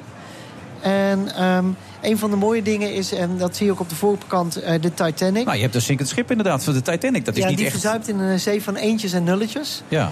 Ehm, ja, maar ik leg in het boek uit dat het niet een heel... ehm, eh, niet alleen eh, verdrietig is. Het mooie van de Titanic is dat we daarna een verdrag hebben gekregen... en dat varen op zee heel erg veilig is. Hier op de beurs zag ik net een folder... en er worden zelfs ehm, tochten aangeboden langs ijsbergen. En de laat, een, jaar of drie geleden is dus een schip gezonken... Ja. Eh, dat is nauwelijks in het nieuws geweest, want iedereen heeft dat overleefd. Dus je kunt hè, na een incident eh, maatregelen nemen om op een hoger plan te komen en veiliger te worden. Nou, die mogelijkheden die moet je gaan zoeken en die moet je gaan grijpen. Maar zijn we wendbaar genoeg? Want daar kom je ook een beetje op, toch? Op Ja. dit moment. We Nou zijn ja, niet wendbaar genoeg. We zijn eh, helemaal niet wendbaar. Als je bijvoorbeeld ziet dat we op een gegeven moment de F-16 raakt op... zeggen, oké, we moeten een nieuw vliegtuig. Nee, de technologie zegt dat je eerst eens gaat kijken... naar hoe gaan we oorlogvoering in de lucht doen. En dan is een drone is een heel belangrijk object. Ja. Nou, dat is dus niet gebeurd. Dus krijgen we opeens een Joint Strike Fighter. Terwijl die drone inmiddels als Ja. zo belangrijk aan het worden is... dat straks die Dus Joint we Strike hebben Fighter- nu een heel duur vliegtuig en dat is allemaal heel lief en aardig. Maar je hebt er niet zo gek veel aan. En als je Maar als vanuit je de dus tech- zo door gaat denken... dan mogen er nog wel heel veel meer situaties anders Ja. bekeken worden, toch? Ja. En eh, jij doet dat, maar hoeveel mensen doen dat in Nederland? Zeker op het niveau waarop besloten wordt dan? Nou ja, en na het lezen van die boek hoop ik straks honderdduizenden mensen Ja, natuurlijk. jij gaat maar Nederland inspireren en ervoor zorgen dat we toch allemaal... Het zou heel fijn zijn, maar het zou heel goed zijn... als er straks 150 mensen in de Tweede Kamer daarmee eens gaan beginnen. En ook gaan realiseren dat als ze dit dossier niet eh, oppakken... dat we op een gegeven moment gewoon een heel belangrijk momentum aan het missen zijn... en dat dan ook kansen naar andere landen gaan. Ja. Ben jij bang voor die dreiging, Dirk? Als je dit soort verhalen hoort? Dat, nou ja, daar- wat hij net al een beetje schetst. Dat wij niet goed genoeg inschatten wat al die ontwikkelingen met zich mee gaan brengen. Waardoor we niet goed genoeg anticiperen en straks in, in de problemen kunnen komen. Als je bijvoorbeeld al die inkomsten, 60% zei toch? Van al die eh, Van de werkende mensen. Ja. eh, is daaruit afkomstig. Nou, wat is het, het, het logische gevolg als je minder banen hebt... is dat die inkomsten Ja, die naar beneden veel gaan. lager. Ja, nou, daar moet je dus nu je stelsel op aan gaan aanpassen. Of gaan nadenken over hoe je dat gaat doen. Ja, maar maak Maar je dan gaat zorgen? toch, alles gaat toch tegenwoordig veranderen? Alles, dat vind ik juist heel... Ik ben er niet, als antwoord op jouw vraag, ik ben er niet bang voor. Maar ik denk dat het waanzinnig is wat in de tijd waar we nu leven... wat er allemaal aan het veranderen gaat. En onder andere jouw boek waar je over vertelt. Ik denk dat dat eh, eh, alleen maar heel interessant is. Ik denk dat alles omgegooid gaat worden. Nou ja, en het is ook niet erg dat dat gebeurt. Hè? Nee. De gedachte van ja, ik vind het erg om eh, minder werk te hebben... komt voort uit de gedachte dat jij bestaanszekerheid nodig hebt. Dat is de vraag die we moeten beantwoorden. En als ik dus mijn tijd anders zou kunnen besteden... vaker in een bootje zou kunnen varen... misschien wat meer voor de maatschappij kunnen betekenen... Ja. dan hoeft dat niet negatief te zijn. Maar de echt grote ongelukken komen pas als er met stormvloed... wat altijd kan komen, natuurlijk ook nog een springtij is. Ja, en daar dat, houden was, we, ja. dat is de parallel natuurlijk bij de watersnoodrampen in Nederland. Ja. De stormvloed was het probleem niet. Het was de combinatie met springtij. En ik inderdaad eindig mijn boek ook met de vaststelling... dat ik niet weet waar in, ja, welk getij we nu zitten. Of de nieuwe maan, volle maan... eh, of vlak voor springtij is. Dat is toch een beetje verontrustend als ik het zo hoor, Brenno. Nou, dus aan de slag. Ja, want eh, hoe doe je dat zelf? Want je gaat nu een huis in Eiburg laten bouwen. En dan twijfel je bijvoorbeeld of je een, eh, een, een elektriciteitspaal ervoor wil zetten. Voor je auto, toch? Om hem op te laden. Toch? Dat soort dingen. Want jij zegt over vijf jaar, hè? Nou ja, je kunt je ook afvragen van moet ik dat nog doen? Of... Nou ja, heb je waarschijnlijk helemaal niet meer nodig op die manier. Waarom zou ik dat dan nu doen? Kijk, die batterijen worden beter. Ehm, je weet dat ehm er nu naar zonnecollectoren wordt gekeken. Ehm, dus misschien hoeven we niet heel Nederland vol te douwen met, eh, met palen. Dan moet je eerst eens even rustig over gaan nadenken. Of, of, dat, of die noodzaak er echt is, of wat de technologie over een aantal jaar ongeveer gaat doen. Nou, dat doen we niet. We kijken heel erg naar het nu en naar het verleden. Eh, en daar gaan, we op, eh, ja, daar gaan we wat op doen. En de technologie scheidt al inmiddels voort. Wat zou concreet nu de belangrijkste stappen zijn volgens jou, ook volgens dit boek dan? Wat we nu moeten gaan doen met z'n allen? Eh, ja, dat is toch gaan nadenken over hoe onze samenleving is ingericht. Welke stappen je moet zetten eh, om bijvoorbeeld bedrijven ook ruimte te geven... om een aantal innovaties te doen. Hoe je de zaken als eh, de persoonsgegevens, de bescherming daarvan waarborgt. beveiliging, hè, dat dus niet in één keer alles wordt stuk gemaakt. Dat soort dingen zijn nu denk ik thema's die helemaal bovenaan de agenda moeten.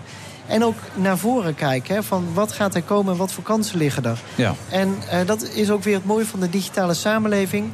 Ehm, de samenleving is heel horizontaal geworden. Als je het niet weet, vraag het eens aan mensen. En dat gebeurt te weinig. Dat gebeurt veel en veel te weinig. Maar mag ik jou wat vragen? Denk je dat je persoonsgegevens echt kan beschermen? Ik heb het idee dat, allemaal, dat we overal zo in de gaten worden gehouden. Alles is te hacken en weet ik het dan niet. Ik heb het, ik heb het nooit als behoefte gevoeld, maar ik heb het volledig opgegeven. Is dat... Nou ja, ik hoor de muziek nu al komen, maar eh, heel kort. Ik denk dat het antwoord ja is. Je kunt dat prima beschermen als Ja? je goede, ehm, goede regels daarvoor maakt. En ook gewoon anders tegen persoonsgegevens gaan aan- gaat aankijken dan we nu doen. Overigens, daar kom ik vrij uitgebreid in mijn boek ook op terug. Ehm, zie dingen eens een keer gewoon vanuit de technologie. Ga niet altijd alleen nee roepen, maar kijk ook naar welke kansen er liggen. Ja, precies. Duidelijke teksten. Brenno de Winter, aanstaande maandag komt hij uit, hè? Dinsdag, ja. Oh, dinsdag. Maandag ga je hem presenteren. Ja, inderdaad. Bij, eh, of dinsdag ga ik het presenteren bij eh, ECP. Dat is een platform voor de informatiesamenleving eh, in Den Haag. Eh, en dan ga ik in reddingsvest doen. In reddingsvest? Ja, Titanic, dan moet je ook in reddingsvest komen. Maar eh, oh, even over alles. De dreiging is groot, maar tegelijkertijd is het ook ter inspiratie, hoop ik. Hè? Dat je Het is bij zo- absoluut ter inspiratie. En nogmaals, ik zie de Titanic als een heel positief moment in onze geschiedenis... Ja. waarna we een aantal dingen echt heel veel beter zijn Dat gold niet voor alle opvarenden, maar voor waren het totaalplaatje. enthousiast, heb ik lopen de meningen een beetje over. Ja, dan lopen de meningen Ja. uit OV. Maar wat er daarna is gebeurd is belangrijk, zeg jij. Exact. Digitale stormvloed. Brenno de Winter, bedankt dat je er was. En we zijn heel benieuwd. Ik ga hem lezen, Brenno. Ik ben echt benieuwd. En we gaan zo nog weer door. Ik zie dat eh, Bernard Hammelburg al klaar staat. Tot zo, eh, Bernard.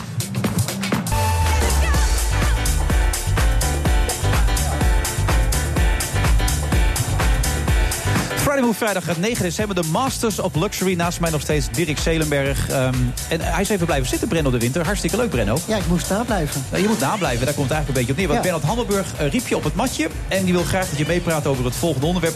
Het gaat eigenlijk over netnieuws. Eh, Dat is eigenlijk het thema, toch, Bernard? Ja, dat is een beetje het, het, het net, eh, dat is het thema. En de aanleiding is eh, iets wat in Amerika nu Pizzagate Gate heet. Dat is dus eh, eh, op een bepaald moment via de, wat dan heet sociale media... eh, gerucht verspreid dat heel groot en serieus is opgepakt... dat zich in een eh, pizzeria in Washington een, eh, een complot voordeed... onder leiding van John Podesta. Dat was de campagnemanager van Hillary Clinton.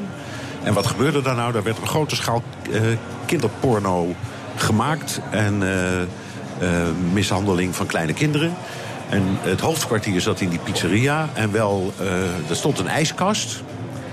Ja, maar dat was niet echt een ijskast. Dat is eigenlijk een deur naar een geheime kelder en daar speelde het scharrel af. Nou, dat verhaal, eh, dat is als een lopend vuurtje gaan heel serieus geworden. Zo serieus dat er zelfs een boze burger heen is gegaan en met een pistool is gaan schieten. Om eh, te kijken of hij daar kon ingrijpen. Zo. En nu is het fascinerende ervan. Dat eh, dit komt helemaal uit het circuit van dan alternatieve media, eh, Twitter, nog andere ook. ehm, waarvan ik steeds maar denk, en daarom heb ik gevraagd of Benno, Brenno even mee kon praten. Dat is allemaal heel interessant, maar het is natuurlijk ook een soort open riool. eh, die, die zogenaamde social media. En, en in dit geval kreeg het zulke grote vormen dat een groot deel van het Amerikaanse volk zei: ah, dat zal vast wel kloppen. En trouwens, ja, dat 9-11, dat was ook een Amerikaans complot. Dat is helemaal niet gegaan zoals, eh, zoals we dat allemaal hebben gehoord. En, en er is dus een hele cultuur ontstaan van complotdenkers, alternatieve media. Ja. En daarmee zijn wat zij dan noemen de MSM, de mainstream media. Dus bijvoorbeeld wij, of eh, het Parool, of het Algemeen Dagblad, of de New York Times, of noem ze allemaal maar op, in een soort van verdachte bankje geplaatst. Eh, en dat is een thema wat bijvoorbeeld ook door Donald Trump vele malen is opgepakt tijdens zijn campagne. Die had het ook steeds over die mainstream media, die allemaal worden gestuurd door het groot kapitaal en door eh, sinistere, politiek gemotiveerde mensen. En dat is, dat is iets dat neemt naar mijn idee verontrustende vormen aan. En wat doen we eraan, Brenno? Nou, dat is dus heel lastig. Toch, dat is je vraag, eh, neem ik aan, toch? Ja, er is, er is natuurlijk een roep eh, om sociale media beter te laten filteren. Eh, maar het probleem is natuurlijk dat als je nieuws gaat filteren... dat je dan ook nieuws gaat filteren wat misschien wel naar buiten had moeten komen. En moet je nu eh, Facebook verantwoordelijk gaan maken voor de inhoud van die berichten? Dat is, dat, dat is een beetje het hele lastige verhaal. En, Ja, maar hoe verklaar jij, hoe verklaar jij nu het feit dat zo'n grote groep mensen... In, eigenlijk in de hele wereld een soort van constant wantrouwen koestert... tegen wat zij dan noemen de mainstream media. En dat is dus iedereen en alles, van links tot rechts. En alleen nog maar vertrouwen op dit soort alternatieve informatiebronnen. Nou, dat, dat laatste, eh, dat is denk ik niet, eh, dat is gewoon niet echt heel erg te verklaren. Het, het een is, er is een wantrouwen en dan is dus al het andere is dus automatisch goed. Dat is een ja, toch bijzondere manier van redeneren. Eh, het stuk wantrouwen, dat kan ik, daar kan ik me wel eh, toch wel bij voorstellen. Ik neem toch aan, jij ook wel, dat eh, de schifting voor een grote groep mensen toch ingewikkeld is om dat te volgen. Verhalen als de MH17, waar dan toch weer niet het hele verhaal is verteld, maakt het ehm, eh, lastig om, om voor mensen om dan opeens het gevoel te krijgen van, ja, dit is waar ik me in herken. En eh, ik denk dat sommige media ook best wel ja, een bepaalde kleur meedragen zonder dat ze daar open over zijn. Nee, dat is allemaal waar. En, En, eh, dus dat, Maar ik, ik, ik, ik doe, doe geen, ik, maar het is geen pleidooi om te zeggen... wij van de media hebben het allemaal bij het rechte eind. Integendeel, eh, wij maken ontzettend veel fouten... en we laten ons inderdaad wel eens voor de kar spannen... van deze of gene eh, politieke partij of, ook belangengroep. Maar in, in, in die, ik maar zeggen, die, die actiegroepen... of die, eh, die, eh, die mensen die helemaal blind gaan op die alternatieve sites...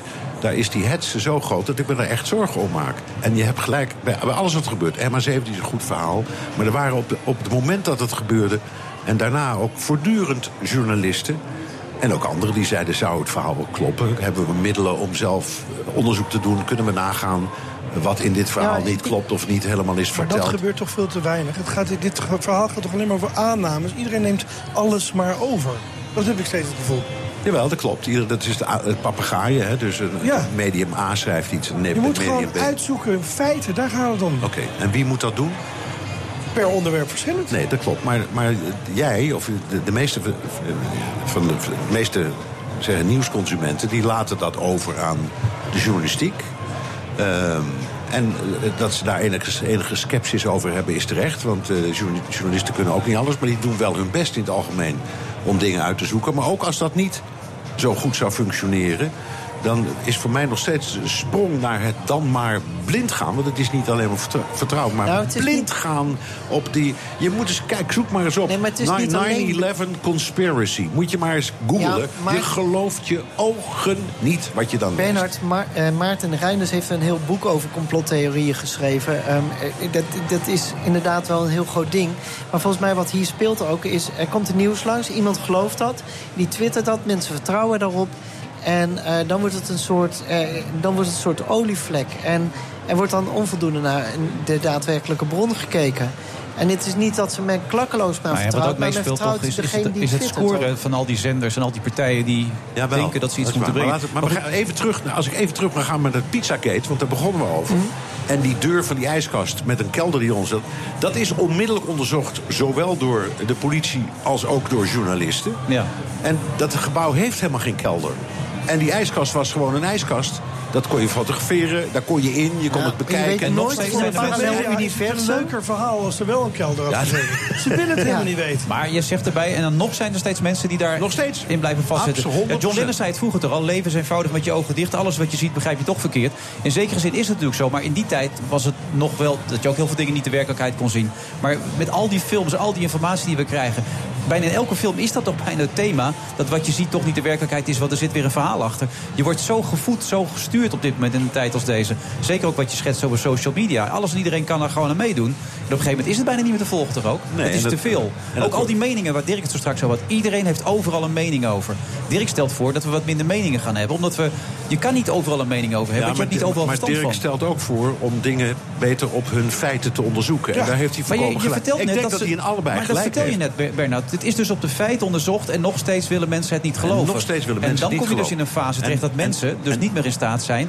om fictie en werkelijkheid van elkaar te Nee, maar, scheiden. maar wat is de behoefte? Waar komt die behoefte vandaan om te zeggen... Hè, eh, eh, de, de wereld is een complot tegen ons? En ik denk dat het zo belangrijk is... omdat je dan ook terechtkomt in wat we maar gemakshalve noemen... het populisme of de boze witte mannen. Dat bedoel ik het dus, hangt ja. allemaal met elkaar samen. Nou ja, omdat mensen eh, zich niet meer eh, altijd herkennen ook. En dan komt er opeens een tweet voorbij en er staat dan niks dat hij al misschien wel honderd keer is geretweet. Dan zal het wel echt zijn. En dan bam, weer, weer is een feitje wat ergens in het hoofd gaat van dan zal het zo wel zitten. Ja. Nou ja, Ik, zeg, ik noem, ik noem eh, Twitter ook altijd het open riool. Er gebeuren hele leuke dingen, maar je Ja, maar ik krijgt vind ook... ook het nieuwskanaal. Ik kijk echt op Twitter voor nieuws. Dat Ja. wel, je weet het wel echt veel eerder dan, dan bijvoorbeeld nu.nl. Maar het is ook een open riool, Maar ja, klopt. dan eindig je dus met koelkasten die je moet open gaan trekken... om te kijken of er niet in een parallel universum nog een verdieping onder Maar zit. dan leidt het er ook nog eens toe dat het uiteindelijk nog er niet toe leidt... dat mensen het dan gaan geloven. En dat is wat jij schetst, dat maakt het nog het meest verontrustend. Dat En- maakt het meest verontrustend. En ik zeg, het is daarbij. Ik kan, zeggen, ik kan dat gewoon zo zeggen. Het verontrust mij in elk geval. Maar ik vind dat we naar het antwoord moeten zoeken. Omdat het met, te maken heeft met alle problemen die nu in onze eigen samenleving spelen. De verkiezing van Trump. ehm, ja. de, het verhaal van Wilders, waar Hugo het net over had. Ehm, al die dingen die, die worden belangrijker omdat er een samenhang is tegen de, die groepen. Hè? De, Ja. de Wilders-stemmers, de Trump-stemmers... die zweren allemaal bij dat soort alternatieve informatiebronnen. En die zijn ervan overtuigd dat de mainstream media... alleen maar leugens aan elkaar knopen... en geen letter aan waarheid meer verspreiden. En we ja. moeten dus iets vinden om daar iets aan te doen. Dat is waar. Dan Dat is zal, wat ik- dan zal je in de beeldvorming ook nog iets moeten gaan doen... dat de media niet als onderdeel van een, bijvoorbeeld het politieke systeem wordt gezien. Ja, nou ja, maar wij, Dat- wij zitten hier nu rondom een tafel voor BNR Nieuwsradio. Wij maken van geen enkel systeem deel uit. Wij zijn volkomen onafhankelijk. Is dat zo? Ja, tuurlijk. Ja? Ja, jij kan toch gewoon zeggen wat je... je Absoluut, nee, dat ben ik met je eens, Alle maar- vier alles zeggen wat we willen zonder enige consequentie. Sterker nog, dat wordt van ons geëist door onze bazen.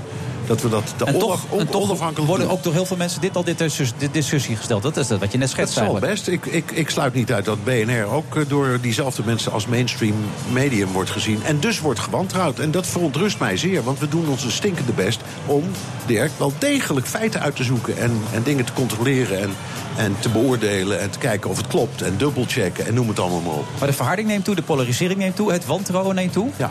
Dat is bijna Dingen gaan sneller, dus je hebt soms niet de tijd om dingen uit te zoeken. Hè, dat maakt het dus ook nog wel heel erg Ja, vervelend. de onderlinge strijd van al die media, die natuurlijk ook nog bezig is. Ja. Dus eh, Voor mij is het één grote digitale stormvloed. Nog een klein stukje promotie natuurlijk hier Brenno de u, Winter. Brenno, eh, je mag nu gewoon weg hoor, als je wil. Of je moet ook Jan Dijk graag nog Nou, even aan willen pakken. Maar ja, je kan ook gewoon blijven zitten. Kijk maar gewoon. Hè? Eh, ik kijk gewoon even. Ja, kijk maar even wat je doet. Wijntje Eh, erbij. Wijntje erbij, hè? Hapje, drankje, hartstikke goed. Bernard, bedankt. En blijf rustig, hè? Gewoon Ja. doorademen, genieten. Het is weekend, hè? Ja, Doe mijn best. daarom. We gaan nog even door, zo naar de reclame. Tot zo. BNR Nieuwsradio. The Friday Move. Jo Braakhekken is van eh, hele grote betekenis geweest voor eh, culinair Nederland. Ik kan het nog steeds niet geloven. Het bod van B-post is altijd onduidelijk gebleven. But I consider this a very, very great honor. Wilfred Genee. De deco- democratie redden, dat is het ultieme doel van Geen Pijl. En lijsttrekker Jan Dijkgraaf legt even uit waarom.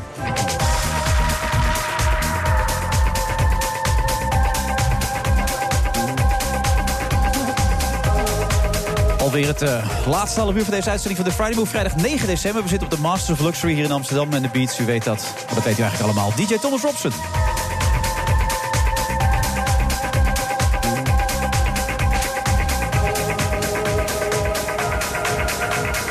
En naast ons eh, Jan Dijkgraaf, lijsttrekker van eh, Geen Pijl. Heb je er nu al spijt van, Jan? Totaal niet. Totaal Nee, niet? Nee, alles gaat precies volgens verwachting. Oh, hoe dan? Nou, eh, dat, als je iets nieuws begint wat bedreigend is voor de gevestigde orde... dan duiken ze allemaal bovenop je. Dan maken ze cartoons waarin je eruit ziet als slachtoffers van eh, concentratiekampen... als eh, honden. Ze beelden de kiezer af alsof de kiezer een dikke luie onbenul is. Dus dat is precies wat we dachten. Kijk, als je genegeerd wordt als je zoiets bekend maakt, dan is het slecht. Ja. Maar ze doen allemaal, inclusief de columnisten... de Nico Dijkshoorns, de Bert Wagendorp van de Volkshand... Ja, ze doen, ze hier allemaal liggen, inderdaad, Ze doen ja. precies wat we verwacht hadden. En dat is goud voor ons. Dat is wat je eigenlijk ook wilde. Daarmee Nou, bereik je waar nee, je... Want, want wat zij aantonen is dat zij geen enkel respect hebben voor kiezers... terwijl wij houden van kiezers. Zij kijken neer op het gewone volk en wij doen dat niet. En wat ze vergeten is dat we met een revolutionair plan bezig zijn. Ja, voor de mensen die het nog niet meegekregen hebben, leg het even kort Nou, het, eh, het idee is dat bij ons... eh, ons verkiezingsprogramma bestaat uit vijf woorden... en dat is de kiezer is de baas. En dat betekent dat wij over alle onderwerpen waarover gestemd wordt in de Tweede Kamer... een microreferendum gaan houden via een ingenieus eh, platform. Plus dat wij de regering gaan controleren door het vragen van, het stellen van Kamervragen. En wij zullen nooit iets doen zonder dat we eerst onze leden hebben geraadpleegd. Jij bent een beetje de zetbaas van alle mensen in Nederland. Eh, ik word het levende stemkastje genoemd en eh, dat ben ik. Maar ik ben ook de megafoon en ik ben ook de controleur van de macht. Ja, en als zo'n Wagendorp dan schrijft... eh, het systeem dat je lid kan worden... dat je ten eerste al die wetsvoorstellen moet doorlezen... dat wordt wel heel ingewikkeld voor al die mensen natuurlijk. Nou, die dat, dat doe je dus ook niet. Net als Kamerleden dat niet doen. Iedereen heeft zijn specialiteit. En leden van onze partij die mogen stemmen... die zullen eruit kiezen wat zij interessant vinden en daarover stemmen. Bijvoorbeeld orgaandonatiewet, eh, JSF... eh, dat soort onderwerpen, maar zeker ook het associatieverdrag met Oekraïne... waarmee het allemaal begonnen is. Ja, want dat was jullie motivatie, maar uiteindelijk nu was het- nu was het klaar, zei Maar jullie, over, over onbenullige belastingwijzigingen zullen ze denk ik niet stemmen... en dan zullen wij het ook niet doen. En het associatieverdrag met Oekraïne was inderdaad eh, de reden om door te zetten. Namelijk dat Rutte het op 1 november weer uitstel vroeg en kreeg van partijen... die eigenlijk zeiden... Je moet luisteren naar wat de bevolking op 6 april heeft gezegd. En toen was het voor Bart Nijman, de voorzitter, het moment om te zeggen... eh, nu gaan we maar een politieke partij beginnen. Ja. Als ze niet luisteren, dan moeten ze maar voelen. En dat Piet Heidonner dan zegt, vicepresident van de Raad van State... dat dit het einde van de democratische rechtsstaat is. Ja, dat, hij dat, zegt ook, lach jij dan ook wel ongrondwettelijk, zegt hij. Ja, we hebben eh, inmiddels heel duidelijk... Dat hebben we natuurlijk uitgezocht. En dat eh, in, even in plat Nederlands tussen jou en mij, dat is gelul. Dat is gelul? Ja. Want? Nou, omdat dit mag binnen de wet. Je mag niet stemmen met last. En dat betekent dat je, eh, dat je altijd als Kamerlid eh, moet doen wat je zelf wil. Nou, wat ik wil is luisteren naar eh, mijn leden. En op het moment dat ik dat niet zou doen... of dat, dat ik vastgebonden word en verplicht word op voor te drukken... nou, da- daar is geen sprake van. Ik kan altijd afwijken van wat die leden willen. Alleen mijn belofte is, dat doe ik niet. Net als de huidige Kamerleden in 99,99% van de gevallen... naar hun Diederik Samson of hun uh, Halbe Zijlstra luisteren. Ja, de man naast mij, Dirk Zelenberg, heeft eerder aangegeven... niets met politiek te hebben. Wat vind je van dit initiatief dan? Nou, ik, ik kijk met name heel erg geïntrigeerd dat jij meteen zonder een seconde na te denken antwoord geeft. Dat vind ik heel leuk. Je hebt een soort riedel. Nou ja, ze hebben dit allemaal voorbereid, toch? Ja, nee, ik- we dat- zijn dat hier al drie weken mee bezig. Dus, ja, eh, nee, maar dat snap ik. Maar is, eh, dat maakt indruk. Dat vond ik ervan. Dat doe je, goed- dat doe je Ja. goed, bedoel je? Dat hoor ik Dat doe je graag. heel goed, ja. Nee. Ja, je had, was er, niet, je, er zat geen seconde tussen of pats, je begon. Ja, maar Jan, zegt natuurlijk dat alles wat er tot nu toe gebeurt... dat gebeurt alles volgens schema. Dus hij heeft natuurlijk al dit soort vragen 26 keer zitten doornemen met al zijn Nou, dat, valt dan ook wel weer mee. Maar Nee, goed, hoef je één keer door te nemen Gezien mijn mediaverleden heb ik natuurlijk wel eens vaker wat weerstand ontmoet. Eh, en eh, misschien jij ook wel. En, eh, en jij ook, Dirk. Maar en als je met Nee, weerstand. ik Nee, jij dan niet, niet. nee. Maar als je met weerstand te maken hebt, dan leer je wel eh, om te denken. Ja, om, om te schaken. Dus je Maar- denkt, maar zelf- als- Nee, maar je kan, ook, je kan ook gewoon je verhaal klaar hebben. Dat wat de vraag ook wordt, dat je gewoon gas Nee, maar bij. Wilfred is dat niet het geval. Dan Maar- weet je het nooit. In dat kader, Jan Roos toch een beetje een maatje van je. Dat die, dat Jan ook- Roos en ik waren vrienden, zeker. En, toen, eh, en wij zouden samen bij eh, Geen Stijl eh, tv-programma Echte Janne gaan maken. En de, voor de eerste uitzending besloot Jan eh, naar VNL te gaan als eh, lijsttrekker. Ja. En toen eh, moest hij eh, ontslag nemen bij Geen Stijl. Dat lijkt mij logisch. Hè? Als je de politiek in gaat, kan je geen eh, opiniemaker meer zijn. Nee. Eh, en Jan eh, zei bij RTL eh, eh, onvriendelijke woorden over mij. Bij Ja, hij naait me erin, hij kan de tering krijgen. Dat ja, teksten, nou toch? ja, als hij zich op dat niveau wil begeven... ik ben daar te, te netjes voor opgevoed, moet ik eerlijk zeggen. Maar hij kan de Dus, tering eh, krijgen wat jou betreft nee, ook? Nee, nee. Nee? eh, hij- het blijft voor mij een bloedgabber. Alleen we zullen elkaar net zo vaak zien als de afgelopen drie jaar. Jaar en dat is zelden. Maar als hij dan twittert geen... als hij dan twittert geen programma, geen politici, geen standpunten... Nou ja, als je zegt de kiezer is de baas en dat is revolutionair, want dat is het tegenwoordig, dat zegt eigenlijk alles over de noodzaak van deze partij. De kiezer is de laatste jaren niet meer de baas. De kiezer wordt erin genaaid, ik kan het niet anders zeggen. Ja, en op het moment dat dat de constatering is en de kiezer is de baas, is je programma, dan is dat zeer revolutionair. En dan wil ik er ook nog op wijzen dat er 50 jaar geleden een meneer was die ook zei dat de democratie ernstig vernieuwd moest worden. En die heette Van Mierlo. Nou, die partij, D66, heeft er helemaal niks van terechtgebracht. En wij denken, nou, laten wij het allemaal gaan doen. Ja. En het belangrijke verschil tussen toen en nu... is dat je nu, en toen nog niet, internet hebt. En via internet Ja, daar hebben we net uitgebreid over gesproken. doen, hè? dat het ook allerlei andere gevolgen heeft eh, wat dat betreft, Jan. Zeker. Maar je, je wilde eigenlijk nooit politicus worden. Sterker nog, dat vond je glibberen en glijden. Dat heb je altijd een beetje groep. Nou werd je ook al in verband gebracht met een andere partij. Dus 50 plus. Ja, daar was je ook al even... En dat, ze- dat, eh, blij dat ik het even kan uitleggen. gaat hij weer, zie je? Ja, ja hij is maar- los. Nee, hij heeft alles voorbereid. deze- Dat zie je aan. Deze ken ik uit mijn hoofd. Ja. 50 plus heeft op het gebied van bestuurlijke vernieuwing een waanzinnig goed programma. Alleen niemand leest dat. 50 plus wil een bindend referendum. Wil de Eerste Kamer opheffen. Wil gekozen burgemeester, gekozen premier. Nou, en 50 plus is heel kritisch over de EU. Dat zijn dingen waar ik me uitstekend in kon vinden. En Ja. dat 50 plus ook loopt te zeuren over pensioen. Daarvan dacht ik, boeien, dat regelt Henk Krol dan wel als ik in de Kamer kom. Ja, dus ik nou, dat daar weet je goed- weet nooit zeker hoe dat afloopt dus, natuurlijk. nee, dat is maar... waar. Maar ik kon me daar wel goed in vinden. En toen kwam Bart Nijman met dit verhaal. En toen heb ik eh à la minuut besloten, dan eh, ga ik dit doen. Want dit is honderd keer beter. dan toch de politiek in willen, terwijl je dat altijd verketterd hebt. Ja, maar wel Jan. Dijkgraaf blijven in de politiek. En, En dat eh, kan. Ja, dat kan zeker. Eigenlijk kan dat niet, Jan. Dat weet je. Nee, dat kan niet, Jan. Want uiteindelijk zie je al die mensen ten onder gaan. Nee. Omdat ze uiteindelijk toch het je, compromis... Nou, ik, was, eh, ik geef nu een jaar of eh, twintig mijn mening over alles. Dat doe je vrij En dan echt over alles. Ja. En de voorwaarde die Bart Nijman aan mij stelde is... jij blijft je mening geven. En wat ik alleen vanaf nu achter ga zeggen... maar wat ik vanaf 15 maart ga stemmen, dat is aan de leden. maar tegelijkertijd, en dat moet jij toch ook wel een beetje zien... waar, zijn we met z'n allen mee bezig in Nederland? Met al die versplintering, met al die partijtjes, met al die mensen die... en, en ook probeer- daar doen we dus wat aan.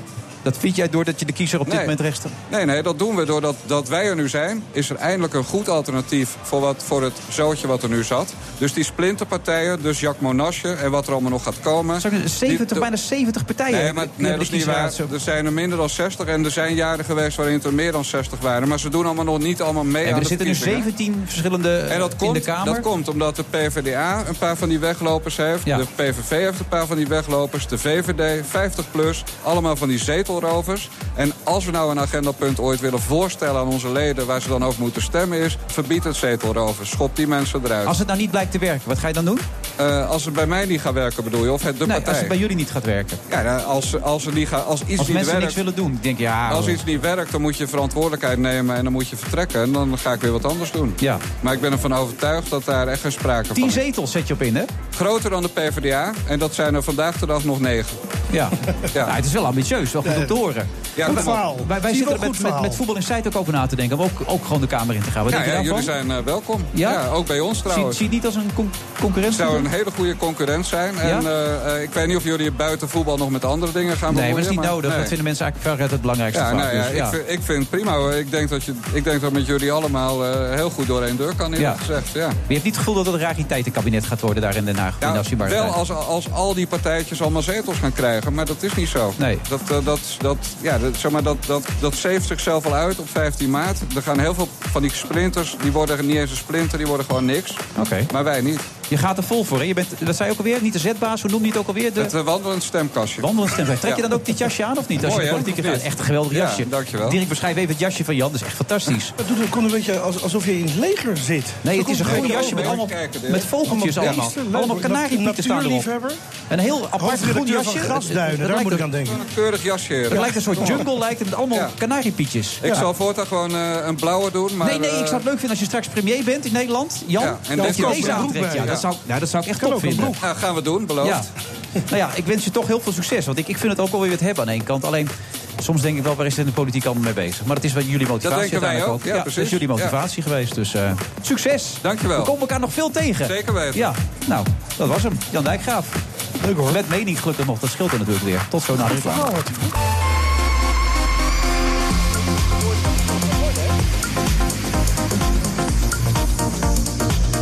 De absolute slotfase van deze uitzending van de Friday Move van vrijdag 9 december. We zitten op de Masters of Luxury hier in Amsterdam. Naast me nog steeds Dirk Zelenberg, die echt de hele uitzending heeft gestaan. Die Ja, ik sta stijf van de energie. Topsport Ik heb helemaal gewoon zin. Hoeveel lang hebben we nog? Nou, twee minuten of zo denk ik. Maar we gaan eerst nog even naar René de Moschie. Die heeft namelijk een beurswatch zo meteen. En die heeft fantastische dingen natuurlijk weer, René, toch?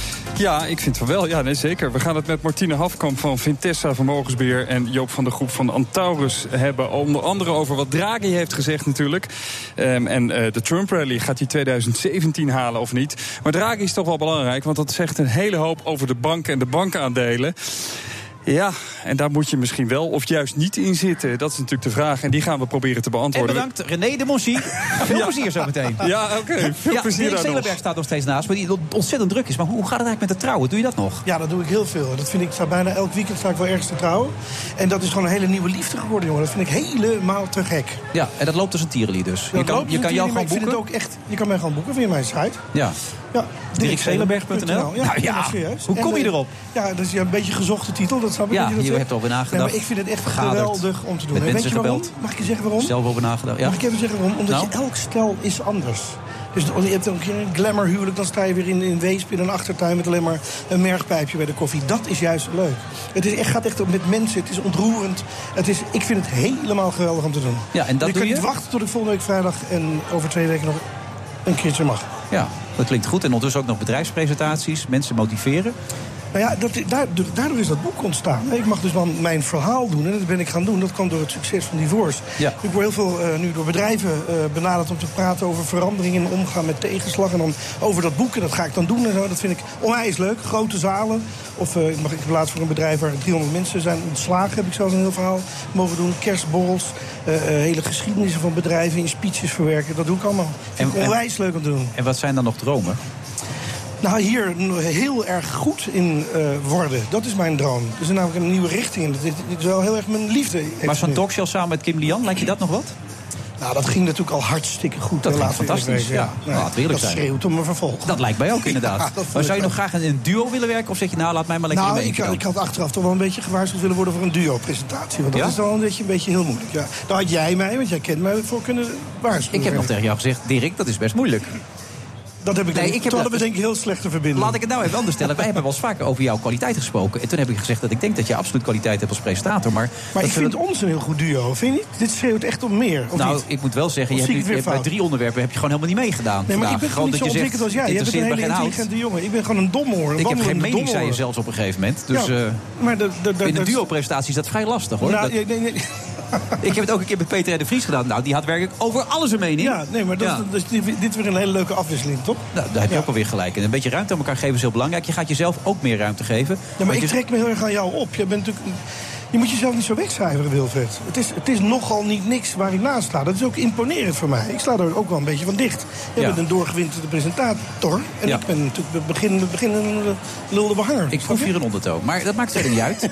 Tegelijkertijd, eh, wat jij net al zei, minder meningen zou geen kwaad kunnen. Eh, minder impulsen kan ook geen kwaad. Je gaat je leven omgooien, hoor ik net. Ja, ik ga serieus mijn leven omgooien. Ik ga nou per 1 januari ga ik af van Instagram. Ik ga af van Facebook. Ik ga mijn mail van mijn telefoon halen. Ik ga een ander leven tegemoet vanaf 2017. Ik Waarom? denk, dat je, nou, ik denk dat het veel beter is.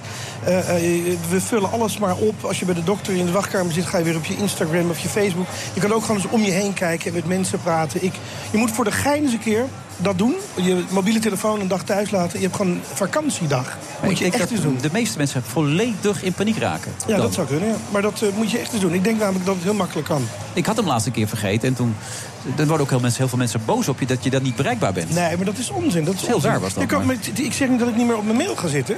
Maar je kan toch gewoon, weet ik veel, s ochtends eh, van, van, van 9 tot 11 op je mail zitten en daarna klaar. Ja. Dan ben je toch nog steeds prima bereikbaar voor iedereen. Ja, ja ik, ik ga het eens proberen. Ik vind het op zich wat je zegt, het is allemaal waar. Dat je een beetje meer rust zou moeten hebben. Minder impulsen. Ja. Kan helemaal geen kwaad. En zo nu even stilte gewoon. Je wordt een beetje engig als je dit soort zinnen gaat zeggen. Een beetje esoterisch word je. Je kijkt ook anders. Dan krijg je weer die onbetrouwbare blik van je. Ook een beetje nerveus van. Dat ik, Maar ik vind ons wel een leuk duo, merk ik. Maar volgens mij zijn wij de enige die dat zelf doen. Dat is story of our life, wat dat betreft. Ja, inderdaad. Nou, Kijkel, ontzettend goed dat je er was. Top man, En dankjewel. eh, nou, ik wens je echt heel veel succes met al die dingen die je gaat doen. En Veel weer dat van je er- geleerd, dankjewel. Dat er nog heel veel leuke, spannende dingen aan gaan komen. Ja, dankjewel, dankjewel. Want dat is wat je bedoelde ook met het boekje. Heb je al wat kerstcadeautjes gekocht? Heb je al niet bepaald een succesverhaal als kerstcadeautje? Nee. Bedrijven, hè? Ja, allemaal? Die bestellen het allemaal als kerstcadeau. Van Ja, een mensen te we. inspireren. Maar dat is toch te gek? Ja. bedrijven die aan 500 werknemers geven ze allemaal zo'n boekje. is toch te gek? En wat levert dat per boek op dan? Je viel even weg, sorry. Wat zei je? Nou. nou, Dirk Zelenberg, ontzettend bedankt. En wij zijn er volgende week weer met een nieuwe uitzending van de Friday Move. Tot dan. Dankjewel. Het begint met een brief, maar... Hé, wat gebeurt er nou, buur? Wat krijgen we nou? Als de politiek vindt dat PostNL een staatsbedrijf is... Geef eens antwoord. Dit is een gewoon eh, kerstboom PA, noemen wij hem. En daar kun je allerlei dingen van vinden. Of Brussel hier tevreden mee, eh, mee is, dat, dat moet de komende tijd blijken. Eh, dus ik ga... Geef eens antwoord. Ja, er moet duidelijk wat gebeuren. Ik denk zowel op, op toon, eh, op inhoud als op leiderschap. Dan eh, ja, is dat toch een situatie waarbij er eh, eh, gemakkelijk file kan ontstaan. TNS Nipo is nogal een... eh, die zwiebert nogal, dus... eh, Geef eens antwoord. Nee, zeker niet. Eh, je moet niet iedereen vergelijken met V&D. Nou, we hebben hier nog geen officiële bevestiging van. Maar ja, je ziet hoe eh, Wang inmiddels terugslaat richting ADO. Wat mij betreft eh, houden we de lijnen met eh, Turkije open.